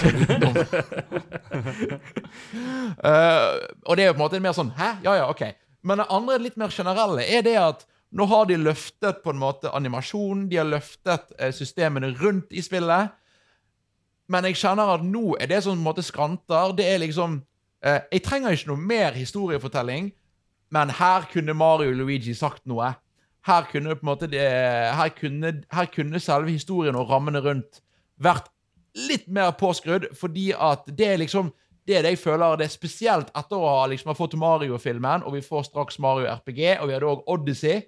Det liksom Odyssey. Uh, men så er jo da greien at uh, Er da greien at her mangler det akkurat den lille touchen på historiefortellingen. For nå liksom det er nesten der. det er nesten Hadde de hatt voice acting og animasjoner til det de sa, hadde jeg vært fornøyd. Men det er, akkurat, det er akkurat litt for lite for å da matche innovasjonen til resten av spillet, føler jeg. Ja, og det er jo med tanke på på en måte at de har disse her eh, trompetblomstene som driver på å snakke i eh, tide og utide om alt mulig rart i dette her, ikke sant? Altså, så, så det hadde liksom ikke vært noe i veien for å gitt Mario og Luigi litt mer å si heller, altså. Det, jeg er enig i det. Ja, og vi, måtte, de hadde på en måte Fordi at eh, her har de da at karakteren sier «Eh», Og så kommer det tekst med hva de sier. Hadde de gått enten den ene veien med at eh, de, de snakket teksten, eller den andre veien med at det var ikke tekst, det var bare lyder og på en måte og eh, gestikulering, så hadde jeg på en måte akseptert det. Men her tar det sånn middelveis som gjør at måte, det blir ikke det ene, det blir ikke det andre. Det blir litt, litt sånn kjedelig mitt midtpunkt. Mm. Skjønt det er jo veldig sjarmerende når du har gjort, gjennomført dette brettet, og Peach er den som får Wonder-siden og avslutter med å si ta-ta. Ja, det, det er for all del. For all del. Det er, jeg er veldig enig at det er mye sjarm i det. altså. Så Det er en, det er en lit, liten klage i det store bildet, men det er liksom det, det som holder spillet mest igjen for meg, da. Det blir jo Jeg tviler vel egentlig på at dette blir siste gangen vi snakker om Super Mario Bros. Wonder. Vi kommer jo til en Game of the Year-episode etter hvert, og da er det jo godt mulig at dette spillet vil markere seg. Eh, Kanskje, kanskje jeg får jeg- lånt jeg- jeg spillet til Peter. dog, òg, altså for Peter òg eh, testa det litt, iallfall. Det hadde jo vært kjekt. Og, Ja, det og jeg lurer på Pet Pet ja, og jeg lurer på, Peter, etter å ha hørt denne samtalen, hva, hva tenker du? Vil du spille det mer? Vil du spille det mindre? Er du likegyldig? Hva, hva tenker du, som ikke har spilt det ennå? Nei, jeg har hatt en plan om å spille, og det har ikke endra seg, det. det, det altså, jeg sitter her med to som er eksepsjonelt glad i å sitte og, og, og, og game. Um, og uh, de, det, em, ko- det som var negativt, var at musikken på førstebanen ikke var helt på. Uh, uh, Luigi Nei, eh, Mario ja, den, den skulle ha sagt noe akkurat her for å fylle det ut. Um, jeg tror det skal gå greit. Det, Ja. Det, det kan jeg bare nevne Apropos det å på en måte glad i å sitte og game. Det er jo, som jeg har nevnt, Grunnen til at jeg ikke er med på hele episoden, er at jeg er ganske travel for tiden. Dette spillet har passet veldig godt til sånn fem minutter her, en halvtime der og sånn. Samtidig som variasjonen gjør at det òg passer til lengre spillsession. Så dette, det også, vil si, også en forbedring med måten det passer både til fem minutter og til fem timer. Eh, kanskje fem timer er mye, men du kan. Men det, måte, det, det passer veldig godt til eh, de forskjellige eh, tider på døgnet. Eh, bare sånn helt før vi avslutter denne praten her. Jeg hørte konstant Jack Black sin stemme hver gang Bowser snakka. Eh, gjorde du det samme? Yes! Og så Eller, jeg, og jeg forventet det, og så tenkte jeg ja, det var nesten. Eh, men jeg er jo det samme på en måte der eh, at det er jo Igjen, som jeg, jeg tror jeg nevnte i forrige episode, at jeg valgte Luigi fordi jeg likte Luigi så godt i Mario-filmen. Så det er jo veldig tydelig at eh, det har jo gitt noen personligheter vi kan feste oss til, som jeg da på en måte har lyst til å se mer tilbake i Mario-spillet igjen, da. Ikke sant? Nei, men uh, jeg tror på en måte vi er i havn når det gjelder på en måte denne her Super Mario Bros. Wonder-platen. Um, så da tenker jeg at eh, vi skal mm, Vi skal sitte her i Oslo, vi skal ta en liten pause. Du, Jon Edvard, skal få lov å gå videre til det du skal holde på med. Veldig kjekt at du iallfall kunne ta tid til dette her. Eh, og for dere som hører på, ikke skift kanal, for etter pausen så skal vi ha Lytterposten, der vi skal snakke litt om kosespill, og så skal vi høre litt om eh, hva Peter syns om det nyeste zombiespillet som han har spilt. Vi er straks tilbake. Wowie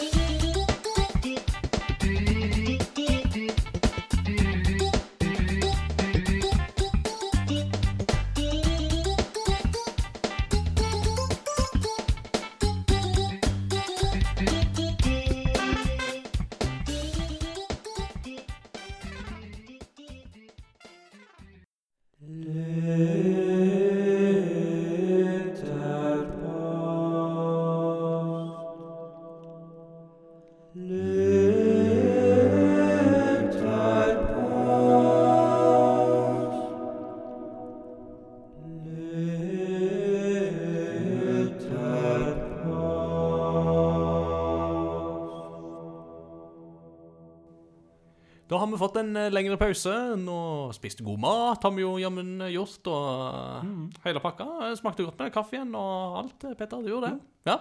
Nykverna kaffe, det er fint, det. Ja da. Det, life is too short Life is too short for bad coffee, som det heter. Og da arbeider vi her. Ja. det, er derfor, det er derfor jeg lagde egen kaffe her en god stund, helt til vi fikk kaffemaskiner. Det, Ja. Den hjalp på det.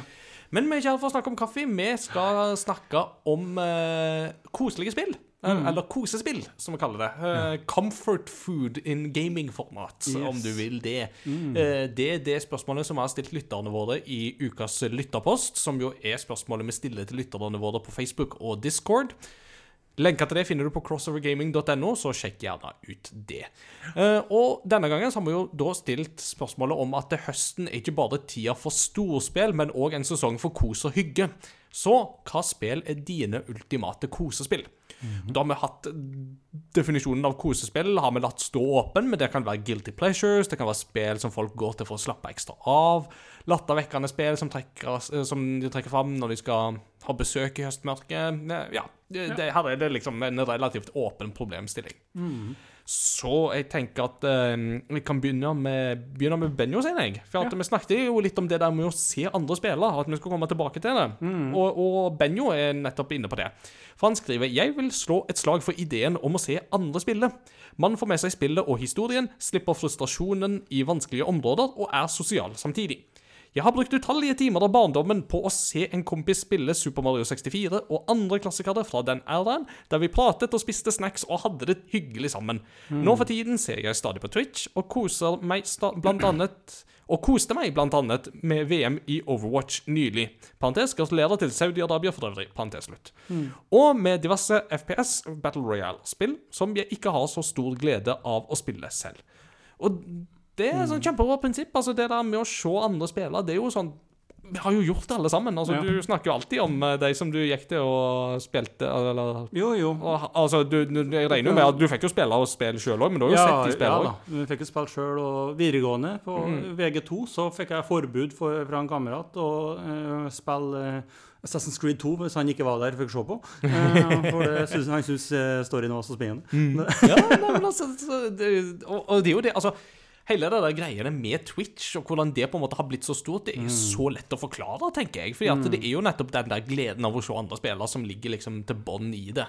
Ja, altså er det, det er lettere å få gjort det overalt. Eh, Mm. Du trenger ikke altså, Har du en mobil eller har du en skjerm Mm. og internett, så kan du se. Eh, Og det er så mye folk og så mange spill at du, du finner det du har lyst til å se på. Mm. Og ofte så kommer du over ting som du ikke trodde at du kunne stå og sitte og se på. Etter middagen i dag så satt vi to og så på VM i, i Age of Empires 4. Nei, Ja. 3. Eh, To. To. Ja. Det var toeren. Ja, det er toeren. toen. Selvfølgelig var toeren. Uh, så ja, altså, ble, det, det, det er jo Age of Empires på et helt annet nivå enn jeg har spilt på. Du kjære bene. Det, det er fascinerende. Du kan se en person drive og kjempe krig på tre fronter samtidig, og likevel så gir det meg mye mer mening enn League of Legends. Ja, det, um, du, om, jeg vil gjerne se på du spiller på tre ja. Ja, det hadde ikke gått. Det, det hadde vært verdig før det hadde begynt. jeg, tror du heller, jeg tror nok du har fått det LOL bedre enn det. Ja, kanskje. Mm.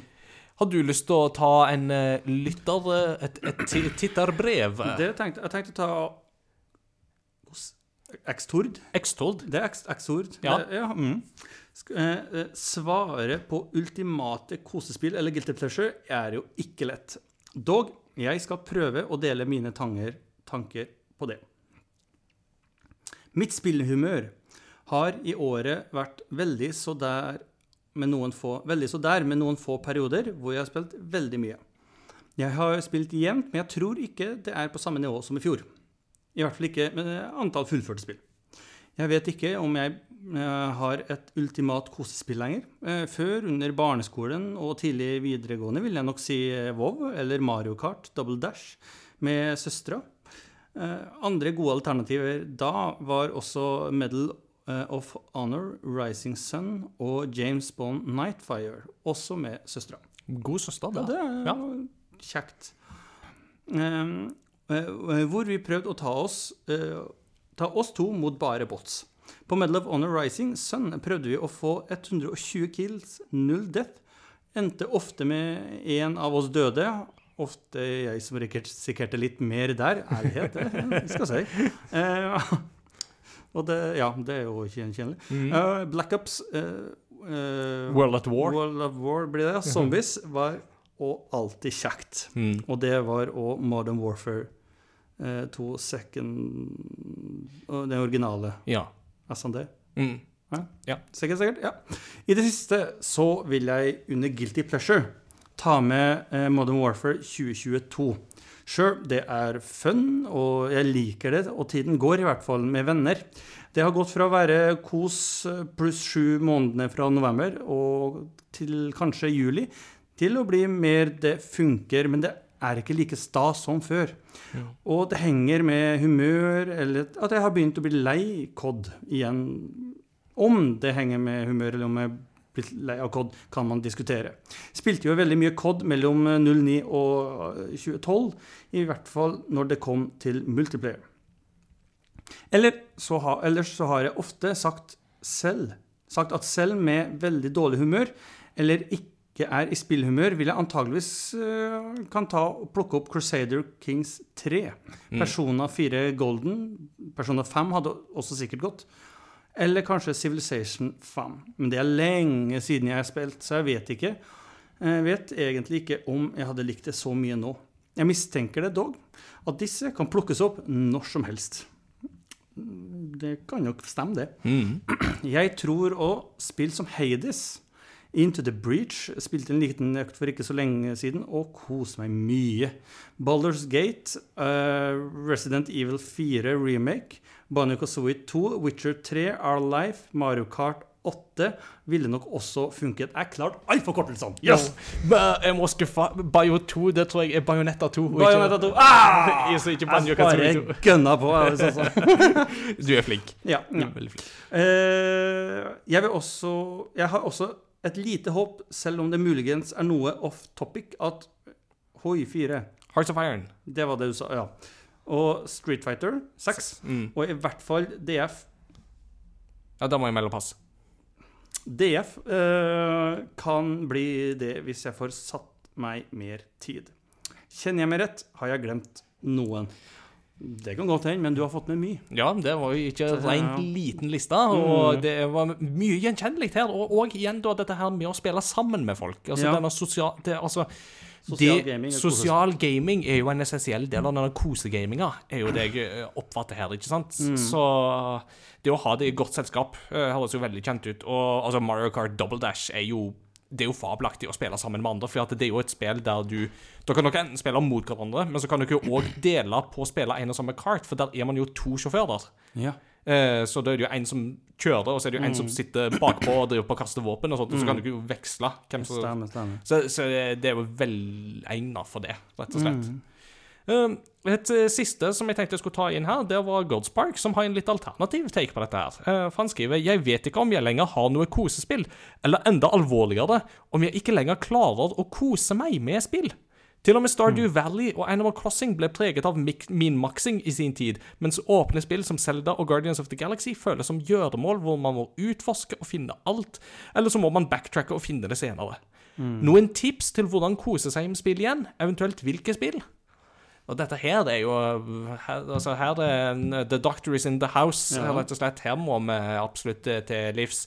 Um, men det jeg jo tenker her, er jo det at noe av det som kan være greit i den forbindelse, er jo å kanskje prøve seg på en sjanger man ikke har prøvd så mye før, f.eks. Kan jo være en idé i dette her. Uh, nå har jo Godspark prøvd seg på ganske mange sjangere, så det kan jo være litt vanskelig, det. Ja, men, men leiter du liksom litt i indie-sekken, så kan det jo alltid hende at du finner noe, sånn som Unpacking, eksempel, kan jo være Altså dette med på en måte spill som i utgangspunktet ikke har så veldig på en måte stress og kav rundt seg, men at det er på en måte noen fast, relativt faste ting som skal gjøres, der fokuset ligger på å fortelle på en måte en lun og god historie uten så mye ord, eksempel, kan jo være knytta til Altså, ville jo vært et av mine småtips. Så et spill som Unpacking, for eksempel, kan jo være det. Og Du nevnte jo Stardew Valley som et eksempel, ikke sant? Altså, og Da kan jo alternative sånne farming sims, sånn som Story of Seasons, være et alternativ. Eh, Farming simulator. farming Simulator, ja, nå har han vel gård, tror jeg, så jeg spørs om det ikke blir det litt for mye likt litt hverdagen og sånn. Er, ikke, er ikke det liksom det du gjør? At, uh, altså, Lastebilsjåfører har jo lastebilsimulator på sida når de må ta pause fra kjøringa. Ja, ja, ja, ja, ikke sant. så det er jo så men, For meg så er jo en del knytta til litt sånne type eh, avslappende spill som det der. Altså, det må vel være noe som eh, litt sånn tangerer litt en annen tematikk som vi kommer til å komme innom på et senere mm, tidspunkt i en annen episode. Men altså, ikke mm, spille spill som er så veldig knyttet opp til f.eks. dette med å jakte på trofeer og achievements og sånne type ting. For Så det, det, for det virker jo som uh, Det blir jo liksom praten, uh, en prat som var i discorden tidligere her, at med troféjakt At det blir At At troféjakta kan rett og slett bli litt ødeleggende. mm, Uh, høres litt ut som Og det, for, den har jeg jo forståelse for. Ja. Det er en mellomting der. Ja. Um, Og så har har, har vi hatt flere som har vært innom på det. ikke sant? Altså, det å spille sammen med folk er jo en veldig trivelig ting. Eh, Så hvis man har muligheten til det, enten online eller eh, eh, enda bedre fysisk på samme sted, så tenker jeg at det kan være et veldig godt sted å begynne, det òg. Altså, da er det ikke så farlig om det er Mario Party eller Mario Kart eller Super Smash Bros. Altså, det òg så, altså, sånne klassiske sosiale spill, ikke sant? men det kan òg være noe roligere, eller kanskje det kan være noe som er litt mer sånn én mot én. Altså Street Fighter 6 har det absolutt et sosial, en sosialt element over seg. Altså Den type spill har det, altså. Eh, og så går det jo an å faktisk slå et slag òg for at eh, hvis du er i en periode der spillet ikke gir så mye glede akkurat nå, så kanskje det er tida for å gjøre litt andre ting. Altså, ta opp igjen bøker, for eksempel. Eh, lese mer. Det, det er en sånn ting som jeg ofte finner, at, det, at eh, hvis den gleden og motivasjonen forsvinner, at en rett og slett bare må legge det fra seg litt, og så plukke opp noe annet som gir glede, rett og slett. Så det er den der spark joy som er det viktige her. Eh, Og litt mer selektiv eventuelt på hvilket spill man spiller. ja. Eh, på alt, og liksom gå for det som eh, du tror gleder deg mest, og ikke kanskje det som er hypen. Mm. Er jo, er jo en, men ja. Mm. Så, så det kan være noe. Og så av og til så kan det være godt å bare gå tilbake til noe sånn comfort food. Noe spill som er velkjent og velprøvd, og, så, og som du vet bare på en måte har en sånn god, god rytme i seg. Eh, du har et spill som jeg skal komme tilbake til, som har en sånn rytme som jeg eh, jo vil slå et slag for. Så eh, Eller bare på en måte en sånn gammel klassiker, altså Ocarina of Time, eller noe sånt som det, liksom, som ikke er så på en måte knytta til på en måte alt mulig rart, men som er på en måte veldig knytta til spesifikke, konkrete, små gjøremål. Det, ja. Så mange, mange approacher man kan, man kan ha her, så jeg håper at uh, Håper du finner noe, Godspark. Det gjør jeg. Lately?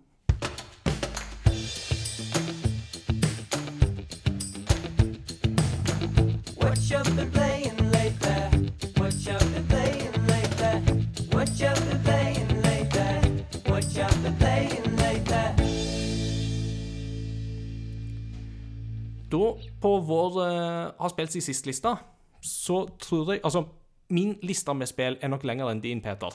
Men, eh, alt, men alt har jeg snakket om før. okay, yeah. så, så å si. Så jeg har liksom ett spill som jeg har brukt mye tid på nå mens jeg har hatt ferie. Men det kan jeg ikke snakke om, for det er noe jeg holder på å anmelde. Så deadline er ikke ute ennå, så det snakker jeg om neste gang. Eh, så jeg har ett lite spill som Altså, Super Mario Bros. Wonder har vi jo allerede snakka om. Det har vi jo Ja. Men jeg spilte ett lite spill i går som jeg har lyst å trekke fram før jeg slipper deg til. Og det er indiespillet Venba. Venba heter det, som kom okay. i sommer. Ja. Det er en liten uh, puzzle Et lite puslespill slash visual eh, novel, om man skal kalle det det, Aha. som varer sånn ca. halvannen time. Som handler om å lage indisk mat. Ja. Og dette er et tips som jeg vil slenge til Godspark. at det er sånn, det, det, Dette er comfort food uh, i spillformat. Eller, altså, det, var, det var så chill og avslappende, men samtidig en så gripende opplevelse at det er noe jeg absolutt vil anbefale. Men dette er jo da et lite team som har laga, og jeg, jeg lukter liksom litt i måten historien blir fortalt på, sant? at dette er nok et spill som er bygd på litt sånn egne erfaringer. For dette handler om et tamil-ektepar som flytter til Canada for å starte et nytt liv. ja. Altså, De har jo gifta seg med hverandre, og det har ikke vært så akseptert. Du, du, var det meninga at du, du snakka om et eh, hvor du lager indisk mat, og du lukta uh, Var det meninga, eller var Det det, var faktisk ikke pun intended. Jeg klarte ikke å lese at du, du merka det engang. Men jeg satt liksom og syntes det var veldig festlig. Men det var ingen reaksjon fra din side. Det, ja, hadde faktisk ikke pun men ja, du lukta indisk mat i Canada? Ja, ja, det men det er absolutt en faktor. Du lukter den maten du lager her, for oh, den sant er det. så godt presentert. Og det er sånn det, det, Dette er et spill som du bør ha spist før du setter deg ned og spiller, for hvis ikke så kommer du bare til å sitte og bli kjempesulten. Ja. Så, men det, historien her er at du har et ungt tamilpar fra India som har flytta til Canada fordi at eh, deres ekteskap er nok litt sånn ikke veldig sosialt akseptert, dette jeg Stemmer. skjønner. Eh, og så handler, handler det jo om deres rolle å prøve å på en måte klare å bygge seg dette nye livet og tilpasse seg en ny kultur. Eh, og da særlig når de da etter hvert går fra å være to til å være tre, uh, så blir jo Ja. denne identitetstilknytninga blir jo ekstra viktig. Og hvordan, hva rolle mat spiller i nem, dette her. For mat er jo kultur. Det det. Og mat er identitet. Det er jo derfor vi alltid blir så eitende sinte hver gang noen forteller oss hva vi kan spise og ikke kan spise. Eller at det, mange blir det. Men jeg syns det er helt greit at folk forteller meg hva jeg kan spise Eller hvis du mm, knekker pastaen foran en italiener. Ja, ikke sant? Det er sånn eh, Mamma mia. Eh, og er du ute og reiser i verden, så er jo det å smake på lokal mat noe jeg alltid setter at det, bør du absolutt gjøre. Altså Går du bare og spiser på McDonald's, da går du jo glipp av halve opplevelsen. Ja. Eh, så dette er jo et spill som på en måte konkretiserer en del av dette her, nemlig hvordan mat knytter oss til våre røtter og våre tradisjoner og vår familie og hvor vi kommer fra, og samtidig hvordan det fungerer som en sånn identitetstilknytning og kulturell identitetsmarkør når man har flytta til en annen kultur, eh, og hvor viktig det kan være. Og samtidig som at det jo òg kan skape litt gnisninger, sånn som eksempel når eh, unge sønnen ikke bryr seg så mye om liksom, skikker og gamle tradisjoner, og sånt, når han bare, egentlig bare vil passe inn. Ikke sant? Altså, han vil ikke være han som lukter rart pga. alle de krydderne de bruker, og sånne ting som det. Men jeg syns det er kjempegøy når du lager mat som basically ser ut som at du stapper liksom, ting i en eh, romrakett, og så er det en sånn form for trykkoker. Ja. Sånn smal sylinderform av trykkoker.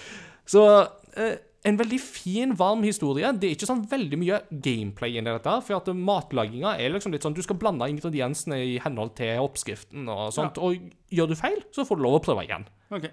Så det, her, her er det ingen eh, problem om du feiler. Du må bare liksom prøve igjen.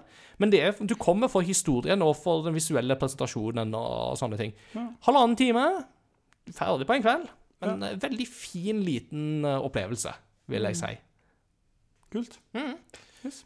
Og så kan vi jo begynne i den andre enden, som jeg jo ville anbefale til Godspark, og liksom gå til type spill som man er vant med, som har en kjempegod pacing og den slags type ting. Iallfall syns jeg det, nemlig Resident Evil 4. Ja. Det har jeg spilt. Ja, tenk det. Det, ja, jeg spilte uh, LOL med Andreas i går kveld, og da var jo spørsmålet om jeg kom inn på at jeg har ja, at jeg spilte Resident Evil 4, og da var jo kommentaren hans altså til å ikke like zombier, så spiller du fryktelig mye zombiespill. Det, hvor jeg da må svare at ingen fortalte meg på forhånd at det var zombier de spiller, det var Pyton i starten, som vanlig. Men, men, men, men mitt motargument er at ja, men de er jo ikke zombier, de er Los Ganados, eh, som er en helt annen, eh, et helt annet beist. For er du zombie i Resident Evil, da har du blitt smitta av T-viruset. Det har Mm. ikke disse. De er blitt smitta av parasitter. Ja. De var mennesker, de er- oppfører seg som om de er hjernedøde. Ja, Eh, og går og oppfører seg stort sett som om bare at de samarbeider. ja. Same shit. altså, det, det, det er akkurat den forskjellen. Det får du ta en bolle med. Så eh, det var litt sånn Ja, eh, jeg ga kona streng beskjed om at eh, du skal være hjemme når jeg spiller det her. Um, for det ja, visste jeg ikke jeg syntes det var noe kjekt, spesielt i starten. Um, og ha den byen du kommer til ganske tidlig der. Mm. Så det er så stress, det. Det er jo lakmustesten i det spillet der. Det er gatekeepinga, rett og Ja, slett. fytti. Um, men altså men, Som veldig mye annet, du blir jo vant til ting. Mm. Og det her, Resident Evil, som mange andre, når du først blir vant til, til zombiene, så er det, det er veldig lite som som har, er blitt liksom veldig skummelt og ekkelt senere. For altså, dem, det er stort sett uh, monstrene, relativt like monster, så også bare utvikler de seg gjennom historien. Mm. Uh, så, da, så da blir det liksom ikke så ekkelt. Uh, en liten spoiler. Det, det er noe av de kjipeste øyeblikkene. Det er når du, når du spiller hun um, oh, Hva heter hun? Ashley? Ashley, ja. Jeg tenker på Alice, men det var feil. Ashley. Eh, for da følte Da er du så forsvarsløs. Mm. Og der var det mørkt. Ja. Og der var jeg helt alene. Så, Eh, så du kommer såpass langt, altså, at du har spilt jo, jo, ja, for- uh, stykke forbi der. Eh, og og det, dit kom jeg når jeg var, jeg var, skikk, jeg var, jeg var så trøtt en kveld. Og så kom jeg dit, Mm. og det var mørkt ut, og jeg var trøtt, og det var mørkt inn, og det var sånn Nei, det her tar vi i morgen. Ikke sjans at jeg skal gjøre og drive med det her! Maybe you oh. can do i morgen what you can do Ja. today. Ja, jeg kjente jo, jeg kjente jo marerittene begynte, begynte allerede da. Uh, men jeg syns det Men etter å ha på en måte blitt mer vant og kommet over en del sånn uh, Ja, altså, pulsen er høy når jeg driver Altså, jeg sliter til tider skikk... Jeg syns Ja, ja. det er slitsomt. Uh, men storyen er god. Mm. Den er kjempegod. Ja.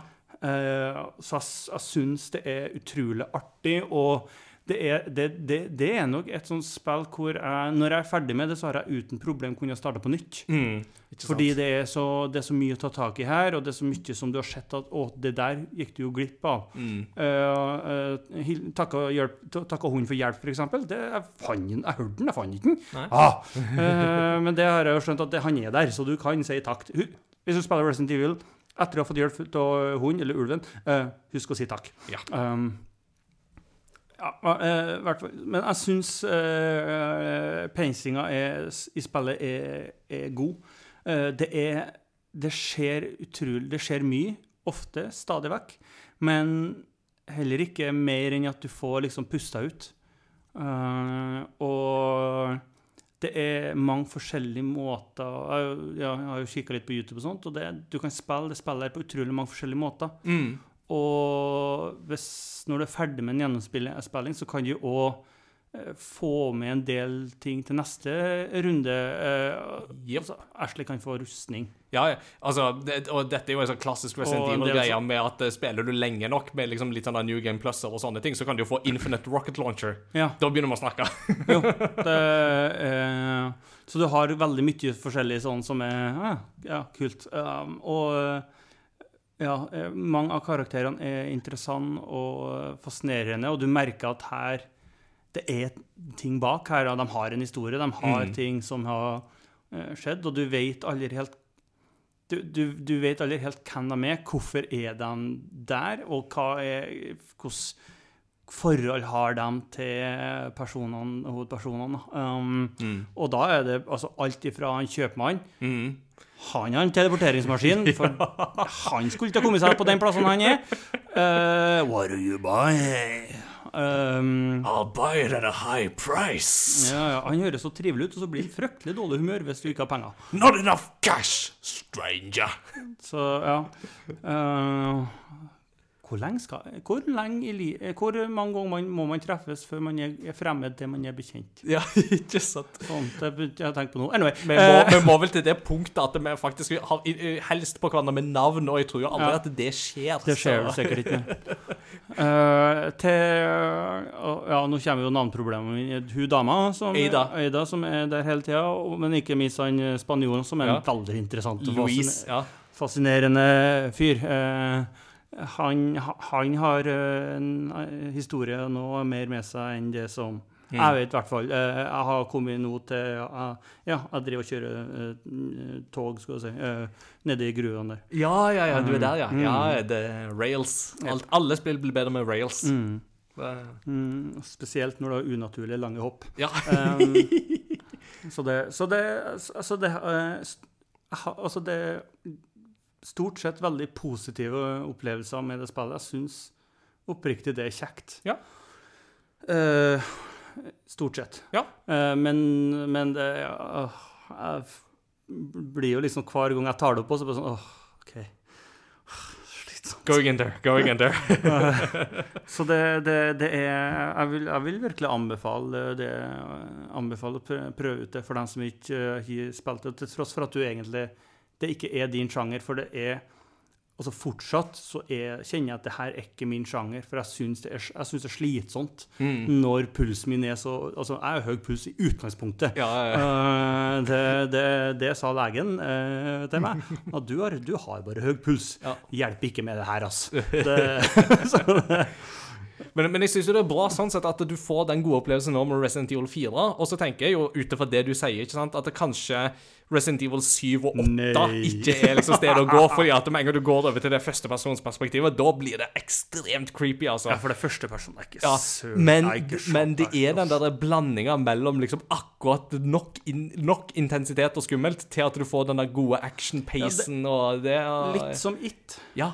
Litt som Eh, It. It var en grusom opplevelse på en ganske bra måte. Mm. Det, jeg koser meg ikke med de filmene heller, men de er bra.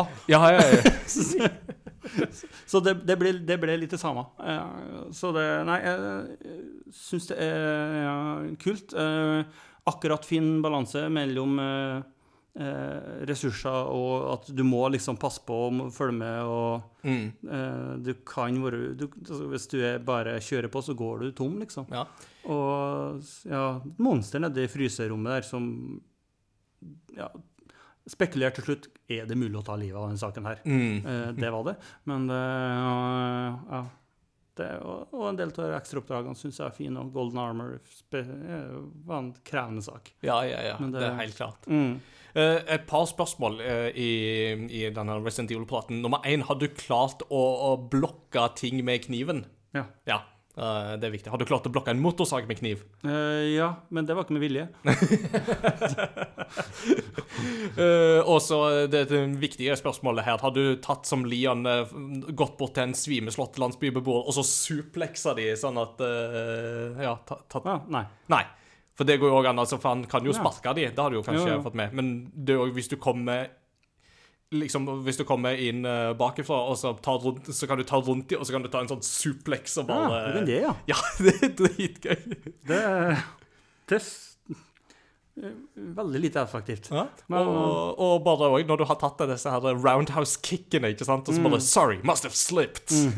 så, Eh, og, ja, for det er jo cheesy kommentarer. Og Ja. du holy moly caloni, det er mye av det der. Og we're going bingo. ja. Det Kjære. Men eh, de klarer jo kunsten å legge på en linje hvor det, du, du, du, du flirer uten at det blir for Det, blir- det blir ikke for krise, liksom. Nei, ikke sant. Så det Nei, så det har eh, ja, har- det har vært en, kanskje en liten time hver dag. Ja. Uh, og litt mer eventuelt på kveldstid òg. alt ettersom hva, hva, hva som skjer, naturligvis. Men det Så det, det går framover. Nei, det er Utrolig kjekt å høre at det faller i smak. Det, Ja, ish. ja, det, det, faller, det faller nok i smak. Ja, det, det er i smak. Jeg har liksom aldri klart å bestemme hva jeg egentlig syns om det, men jeg, jeg, jeg, det er jo bra. Ja, ja. Jeg, skjønner godt at folk eh, eh, At det der er sånn spill som folk spiller om, eh, om og om igjen mm. for å mestre, for å få til eh, For det er um, Du kan eh, Ja, du kan, gjøre, du kan gjøre veldig mye der, til tross for at du er ganske låst i områdene hvor du skal gå fram, ja, fram og tilbake. Du har ikke stå, det er jo ikke en åpen verden, liksom. Nei.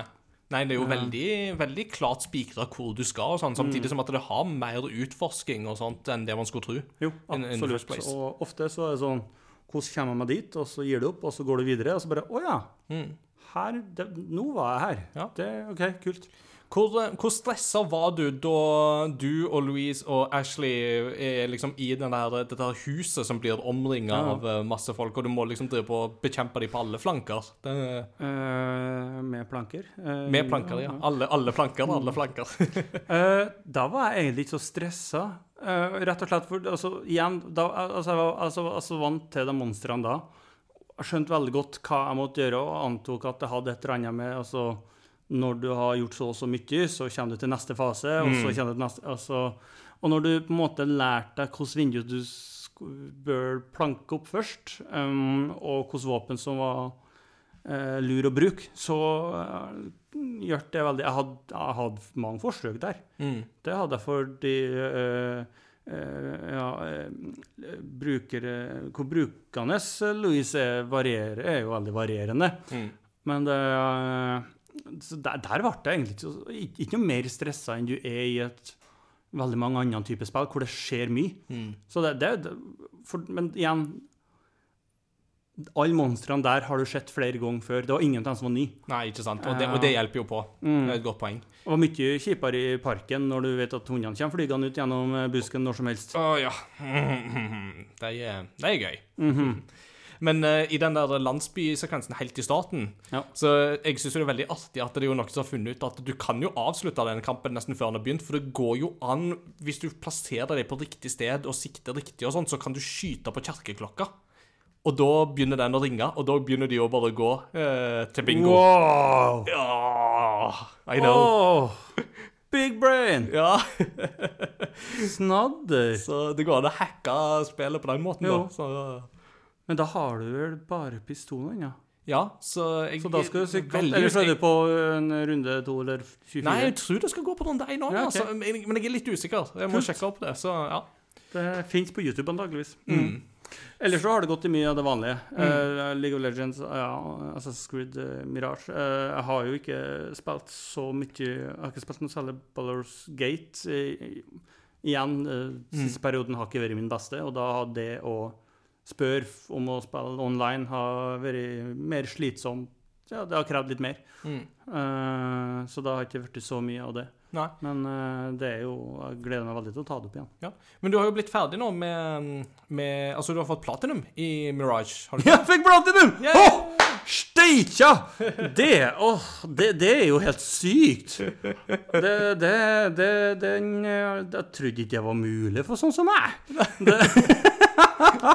Denne her Platinum, oh. Curse of the Platinum. Det er ikke bare Curse of the Colonel som Nei, plager denne det- redaksjonen her. Det er Curse of the Platinum. For dere som ikke vet det, altså har, har, jo drevet og prøvd å platinum ja, Assassin's Creed Mirage, det tredje spillet. Eh, det var Hogwarts Legacy. Mm. Eh, det var Star Wars. Eh, og så um, sa, altså, Men heller ikke Assassin's Creed Mirage så fikk jeg jo platinum på første gjennomspilling. Det er veldig mulig. Mm. Jeg gjorde alt rett for å få det til.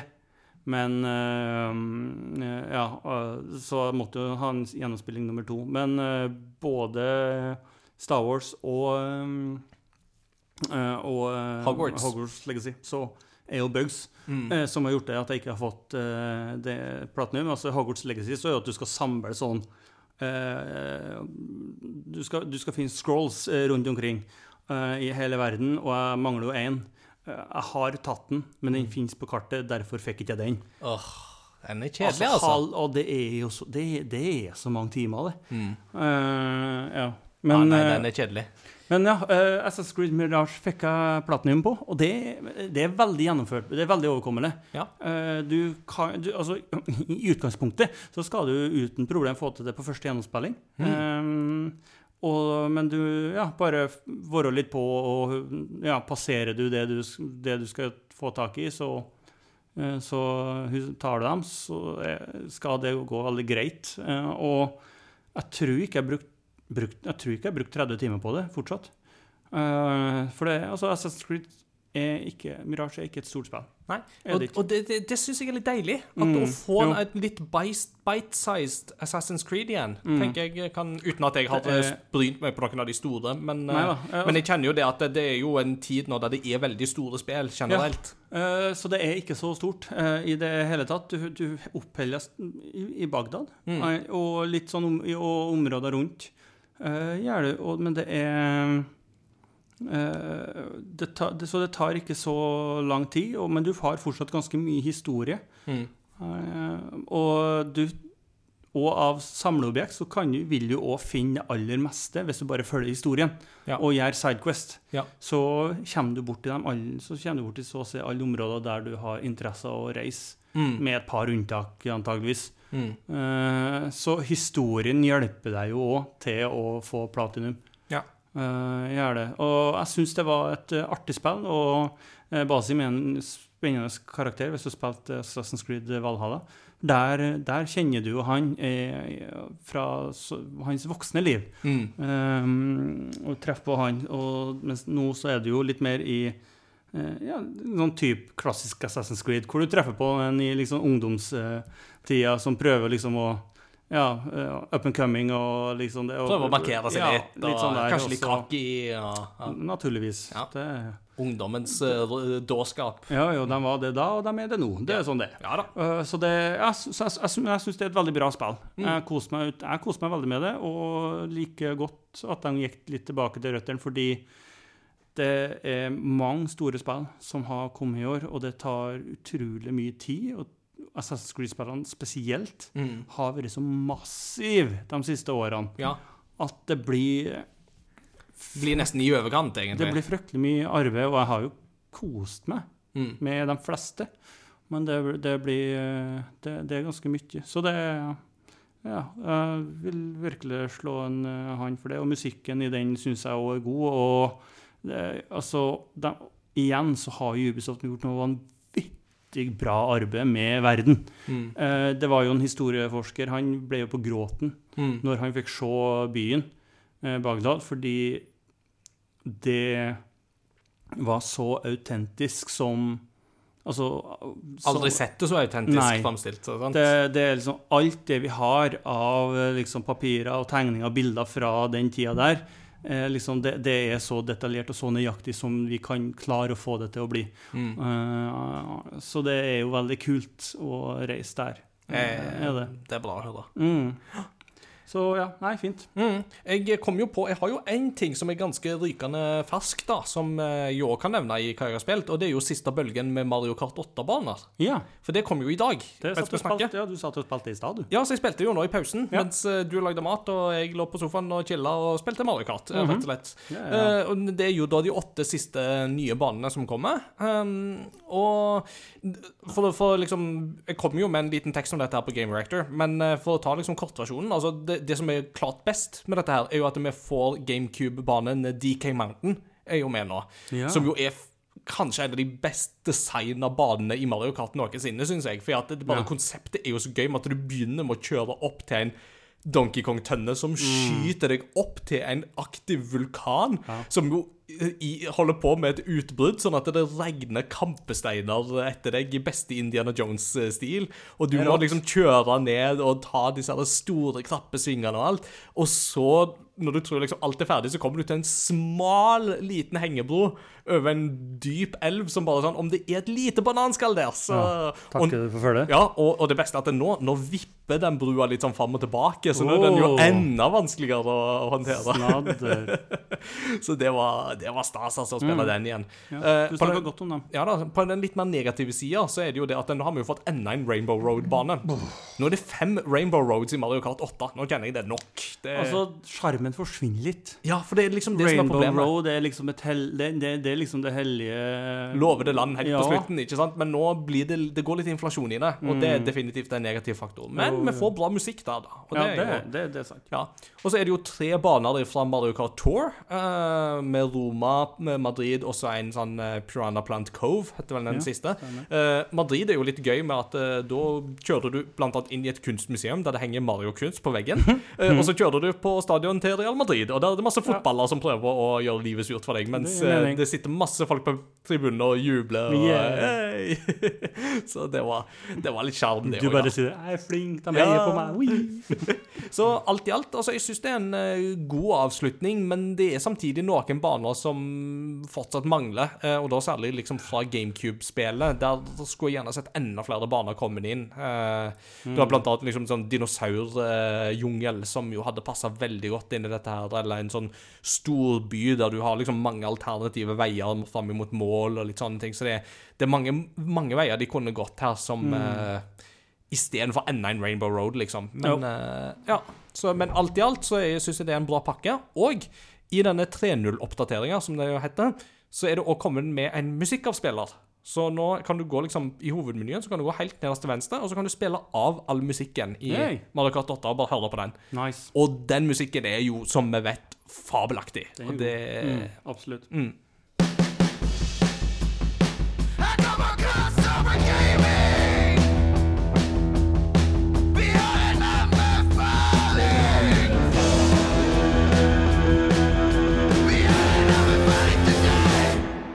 Ja, Peter, denne, denne gangen her så ville jeg ta litt anbefalinger, for nå har jo jeg hatt ferie. Ja, og da har jeg jo fått tatt igjen litt eh, ting litt her og litt der. Eh, den ene tingen har jeg eh, ikke mm, tatt igjen per se, men jeg har ikke snakka om den i en anbefaling ennå. Så den vil jeg ta opp. Men det er jo da sesong to av The Wheel of Time. Ja. Uh, for jeg er jo veldig glad i The Wheel of Time. Har jo lest bøkene to ganger. Uh, og likte i og for seg sesong én ganske greit. Selv om jeg hadde noen sånne abers med det og litt sånne ting. Men jeg har alltid mistenkt at sesong én var litt prega av at det var produsert under covid. Og det føler jeg at sesong to bekrefter. Fordi sesong to løfter seg veldig opp. Eh, Så hvis man satt litt på gjerdet eller ikke var helt fornøyd etter sesong én, så vil jeg fortsatt anbefale at du plukker opp igjen serien og gir sesong to en sjanse. Nå er bok to bedre òg enn bok én. Ja. Så det òg spiller jo litt inn i dette her, men det er fryktelig bra hvor godt de har klart å realisere dette, spesielt på det visuelle området. Jeg syns de er veldig gode på å gjenskape en visuell stil som Det er veldig tydelig fantasy, men det er samtidig òg veldig tydelig Wheel of Time. Altså det er, ikke, det er liksom ikke Ringenes herre eller The Witcher eller andre ting. Altså dette føles veldig som The Wheel of Time for meg, altså. Så nå holder jeg faktisk på å se det på nytt, fordi at jeg har fått kona med på å se The Wheel of Time. Og hun sitter jo som klistra til skjermen når vi ser på dette. Så det er veldig tydelig at dette engasjerer og er veldig spennende. Så Einar hun sa, det at åh, vi har bare tre episoder igjen, så må jeg begynne å lese bøker. jeg har tipsa henne om at det fins lydbøker av denne, av denne serien. da. Så det Livet er fælt, hæ? Ja, livet er fælt. Eh, og så var jeg på kino et par ganger i ferien. Benytta meg av anledninga til det. Var annet på seniorkino midt på dagen uh, på en eh, mandag. Jeg fant ut at seniorkino det betyr egentlig bare at lyden er skrudd litt ned. Og så er billetten billigere. Ja. Eh, sånn what's not to like. OK. liksom. Da så. Takk Ja. skal du ha. Mm. Så jeg var, etter at jeg hadde vært og fornya pass, så gikk jeg på kino og så 'Killers of the Flower Moon'. Den nyeste filmen til Martin Scorsese. Eh, Ok. mannen som jo har regissert filmer som The Departed, Silence, Ja. eh, The Wolf of Wall Street, eh, er- The Irishman. Vi er, er der, ja. Vi er der, vi er der, ja. Og dette er film på Altså, dette, er, dette føles som cinema. Altså, det er liksom sånn estetisk, cinematisk kunst, rett og slett. Den er lang, denne filmen. Den er tre timer og 20 minutter, så den er jo lang og seig. Ikke Men, decent. Men du, du føler ikke at den er for lang heller. For dette er en film som jeg føler i hvert fall rettferdiggjør den lange spilletida på samme måte som f.eks. filmer som The Syv Samurais gjør det, eller uh, Ringenes herre-filmene gjør det på sine måter. Men dette er en film som gjør det på en litt annen måte igjen. Så, men uansett så er dette en uh, Det er jo basert på virkelige hendelser, dette her. Altså, det er jo knytta til en uh, indianerstamme, i, eller en urinnvånerstamme i eh, USA, eh, der det blir funnet olje på deres reservat. Osage-stammen. Eh, og da Det med Leonardo DiCaprio. Med Leonardo DiCaprio Ja, i mm. Og Robert De Niro spiller jo òg her. Ja, stemmer. Og det er jo knytta til at de fikk jo veldig mye penger og veldig mye makt, ikke minst med tanke på hvordan de altså amerikanske urinnbyggere hadde det stort sett på den tida. ikke sant? Så hadde jo de det generelt sett ganske kjipt. Disse fikk det veldig veldig bra fordi det ble funnet olje på deres områder. Men hva skjer liksom når da denne oljen, altså disse pengene tiltrekker seg jo folk, og disse folkene er ikke alltid av eh, gode hensikter. Så det er det, er, det er hårde greier, altså. Det, er- det er så kjipe greier. Du, ja. du sitter liksom og ser på menneskelig elendighet. Men det er så viktig at disse historiene blir, for, blir fortalt. Eh, og det trekkes jo i filmen paralleller til Black Wall Street, som jo var et eh, opprør knytta Eller, altså, eller Tulsa-opprøret i USA på 1920-tallet. Fordi at i byen Tulsa i Oklahoma så var det jo vokst fram et ganske stort finansielt eh, miljø knytta til den afroamerikanske befolkninga Ja. som hadde det veldig, veldig bra. Og så plutselig så smalt det. Fordi det var en sak der det var eh, ei jente, ei hvit jente, som mente at hun ble overfalt av en svart i en heis. Og da dette begynte å balle på seg, så ble det jo en lynsjemobb som jo gikk til angrep på det svarte miljøet i den byen. Og eiendommer ble brent og stjålet, og makthaverne gikk jo som egentlig skulle ha beskytta de, gikk jo med på denne lynsjemobben i stedet, og den slags type ting. ikke sant? Og dette er jo ting som har blitt så dyssa ned fram til de siste ti årene. Så har det liksom begynt å vokse fram igjen. og bare sånn, Dette er en utrolig viktig del av vår historie. Og som snakker om på en måte den institusjonelle rasismen. Så det er, dette er en film som toucher litt innom litt av de samme greiene. Det er mørkt kapittel i historien, men jeg tenker at det er samtidig utrolig viktig at dette blir fortalt. Eh, så det er en film der jeg eh, tenkte underveis at åh, nå skulle jeg hatt muligheten til å bestille litt mat. Og fått mat servert i kinolokalet. uh, for jeg gikk jo inn og bare sånn Jeg kan ikke ha med spise, mat og drikke inn på en tre og en halv time lang film. Da kommer jeg til å sitte dotrengt de siste to timene. Men problemet var at den siste halvannen timen så satt jeg og var sulten og tørst. Så ha med deg inn litt, men ikke begynn før det er gått sånn to timer uti. Ja. Så kan du begynne. Men varmt anbefalt å se 'Killers of the Flower Moon', altså. Er Nintendo. It's curiosity. What are you gonna show to me? It's curiosity. What a neat thing to know. It's curiosity. What are you gonna show to me? I haven't even heard of it. What a neat thing to know. It's a great the show. Yes, Da skal jeg ta en kuriositet, jeg. Yeah. Og jeg er litt fornøyd. Jeg pitcha den jo for deg. Ja. Og jeg er så fornøyd, for jeg klarte å finne en Ringenes herre-kuriositet som du ikke visste om. That is impossible! Og det er en liten glede i livet, egentlig, for det er ikke så ofte det skjer. Og da, er, da gikk jo det rett og slett på at eh, Ja, bare for å stille deg spørsmålet eh, på nytt, da. Visste du at arven var i Helms Deep? Jeg visste det ikke før tidligere i dag, nei. Det Nei. visste jeg ikke. Eh, for hun er jo ikke det i boka. Nei. Det er jo eh, Det er jo ikke alvene uansett. Nei, Legolas en alv, han var der. Men Ja, nei, men Det var én alv. Det er helt Ja. riktig. Det var én alv. Eh, med, I filmene Mm. så ble det spilt inn mange scener, veldig mange scener, hvor Liv Tyler, altså skuespilleren som spiller Arven, eh, var med og slåss side om side med Aragorn i Helm's Deep. Og det var jo en tanke om at på en måte bygge videre på eh, den kjærlighetshistoria som de to har. For eh, det er jo en, eh, et forhold de har. eh, hos, og det er jo viktig i film at du må jo alltid ha noen som blir sammen, og kjærester, bla. Eh, og hvordan kan vi da ta og gjøre det når de aldri er sammen? Eh, som er, altså Det er jo en case, og den eh, forstår vi. Og, så hun var jo da bl.a. i Helm's Deep, spilte inn veldig mange scener. Så mange scener, mange scener som vi òg er med på filmen, hvor de da rett og slett måtte gå inn og så tusje vekk eh, skuespilleren eh, for å på en måte få hun tegne hun vekk. Men det er fortsatt enkelte plasser hvor de ikke har fått tatt henne helt vekk. Ene, eh, eneplassen det er når de trekker seg tilbake Fall back to the keep! Når de skal liksom, Og Legolas og gjengen de sprenger bortover den lille eh, porten til høyre. Og når de springer opp trappa her, så, så skimter du så vidt en eh, alveskikkelse som du ikke har sett før. Men som skiller seg nok ut til at du ser at det der er en viktig person. Hey. Og det er Arwen. Og en andre, annen gang, det er når Gandalf og gjengen kommer tilbake, så klarer du òg å skimte eh, hesten og hun i bakgrunnen eh, som driver og slåss. Hei! Så hun var da med der. Men så fant de jo en løsning på hvordan de gjorde det, og fant ut at det blir kanskje å stre ta strekken litt for langt. Og så spekuleres det om da om Haldir eh, tok eh, plassen hennes eh, noe i den duren der. Men det, det vet vi ikke for sikkert. Ja, men det, ja. Altså, du, du, du kom jo med en Ringenes herre-fun fact som jeg ikke kjenner til.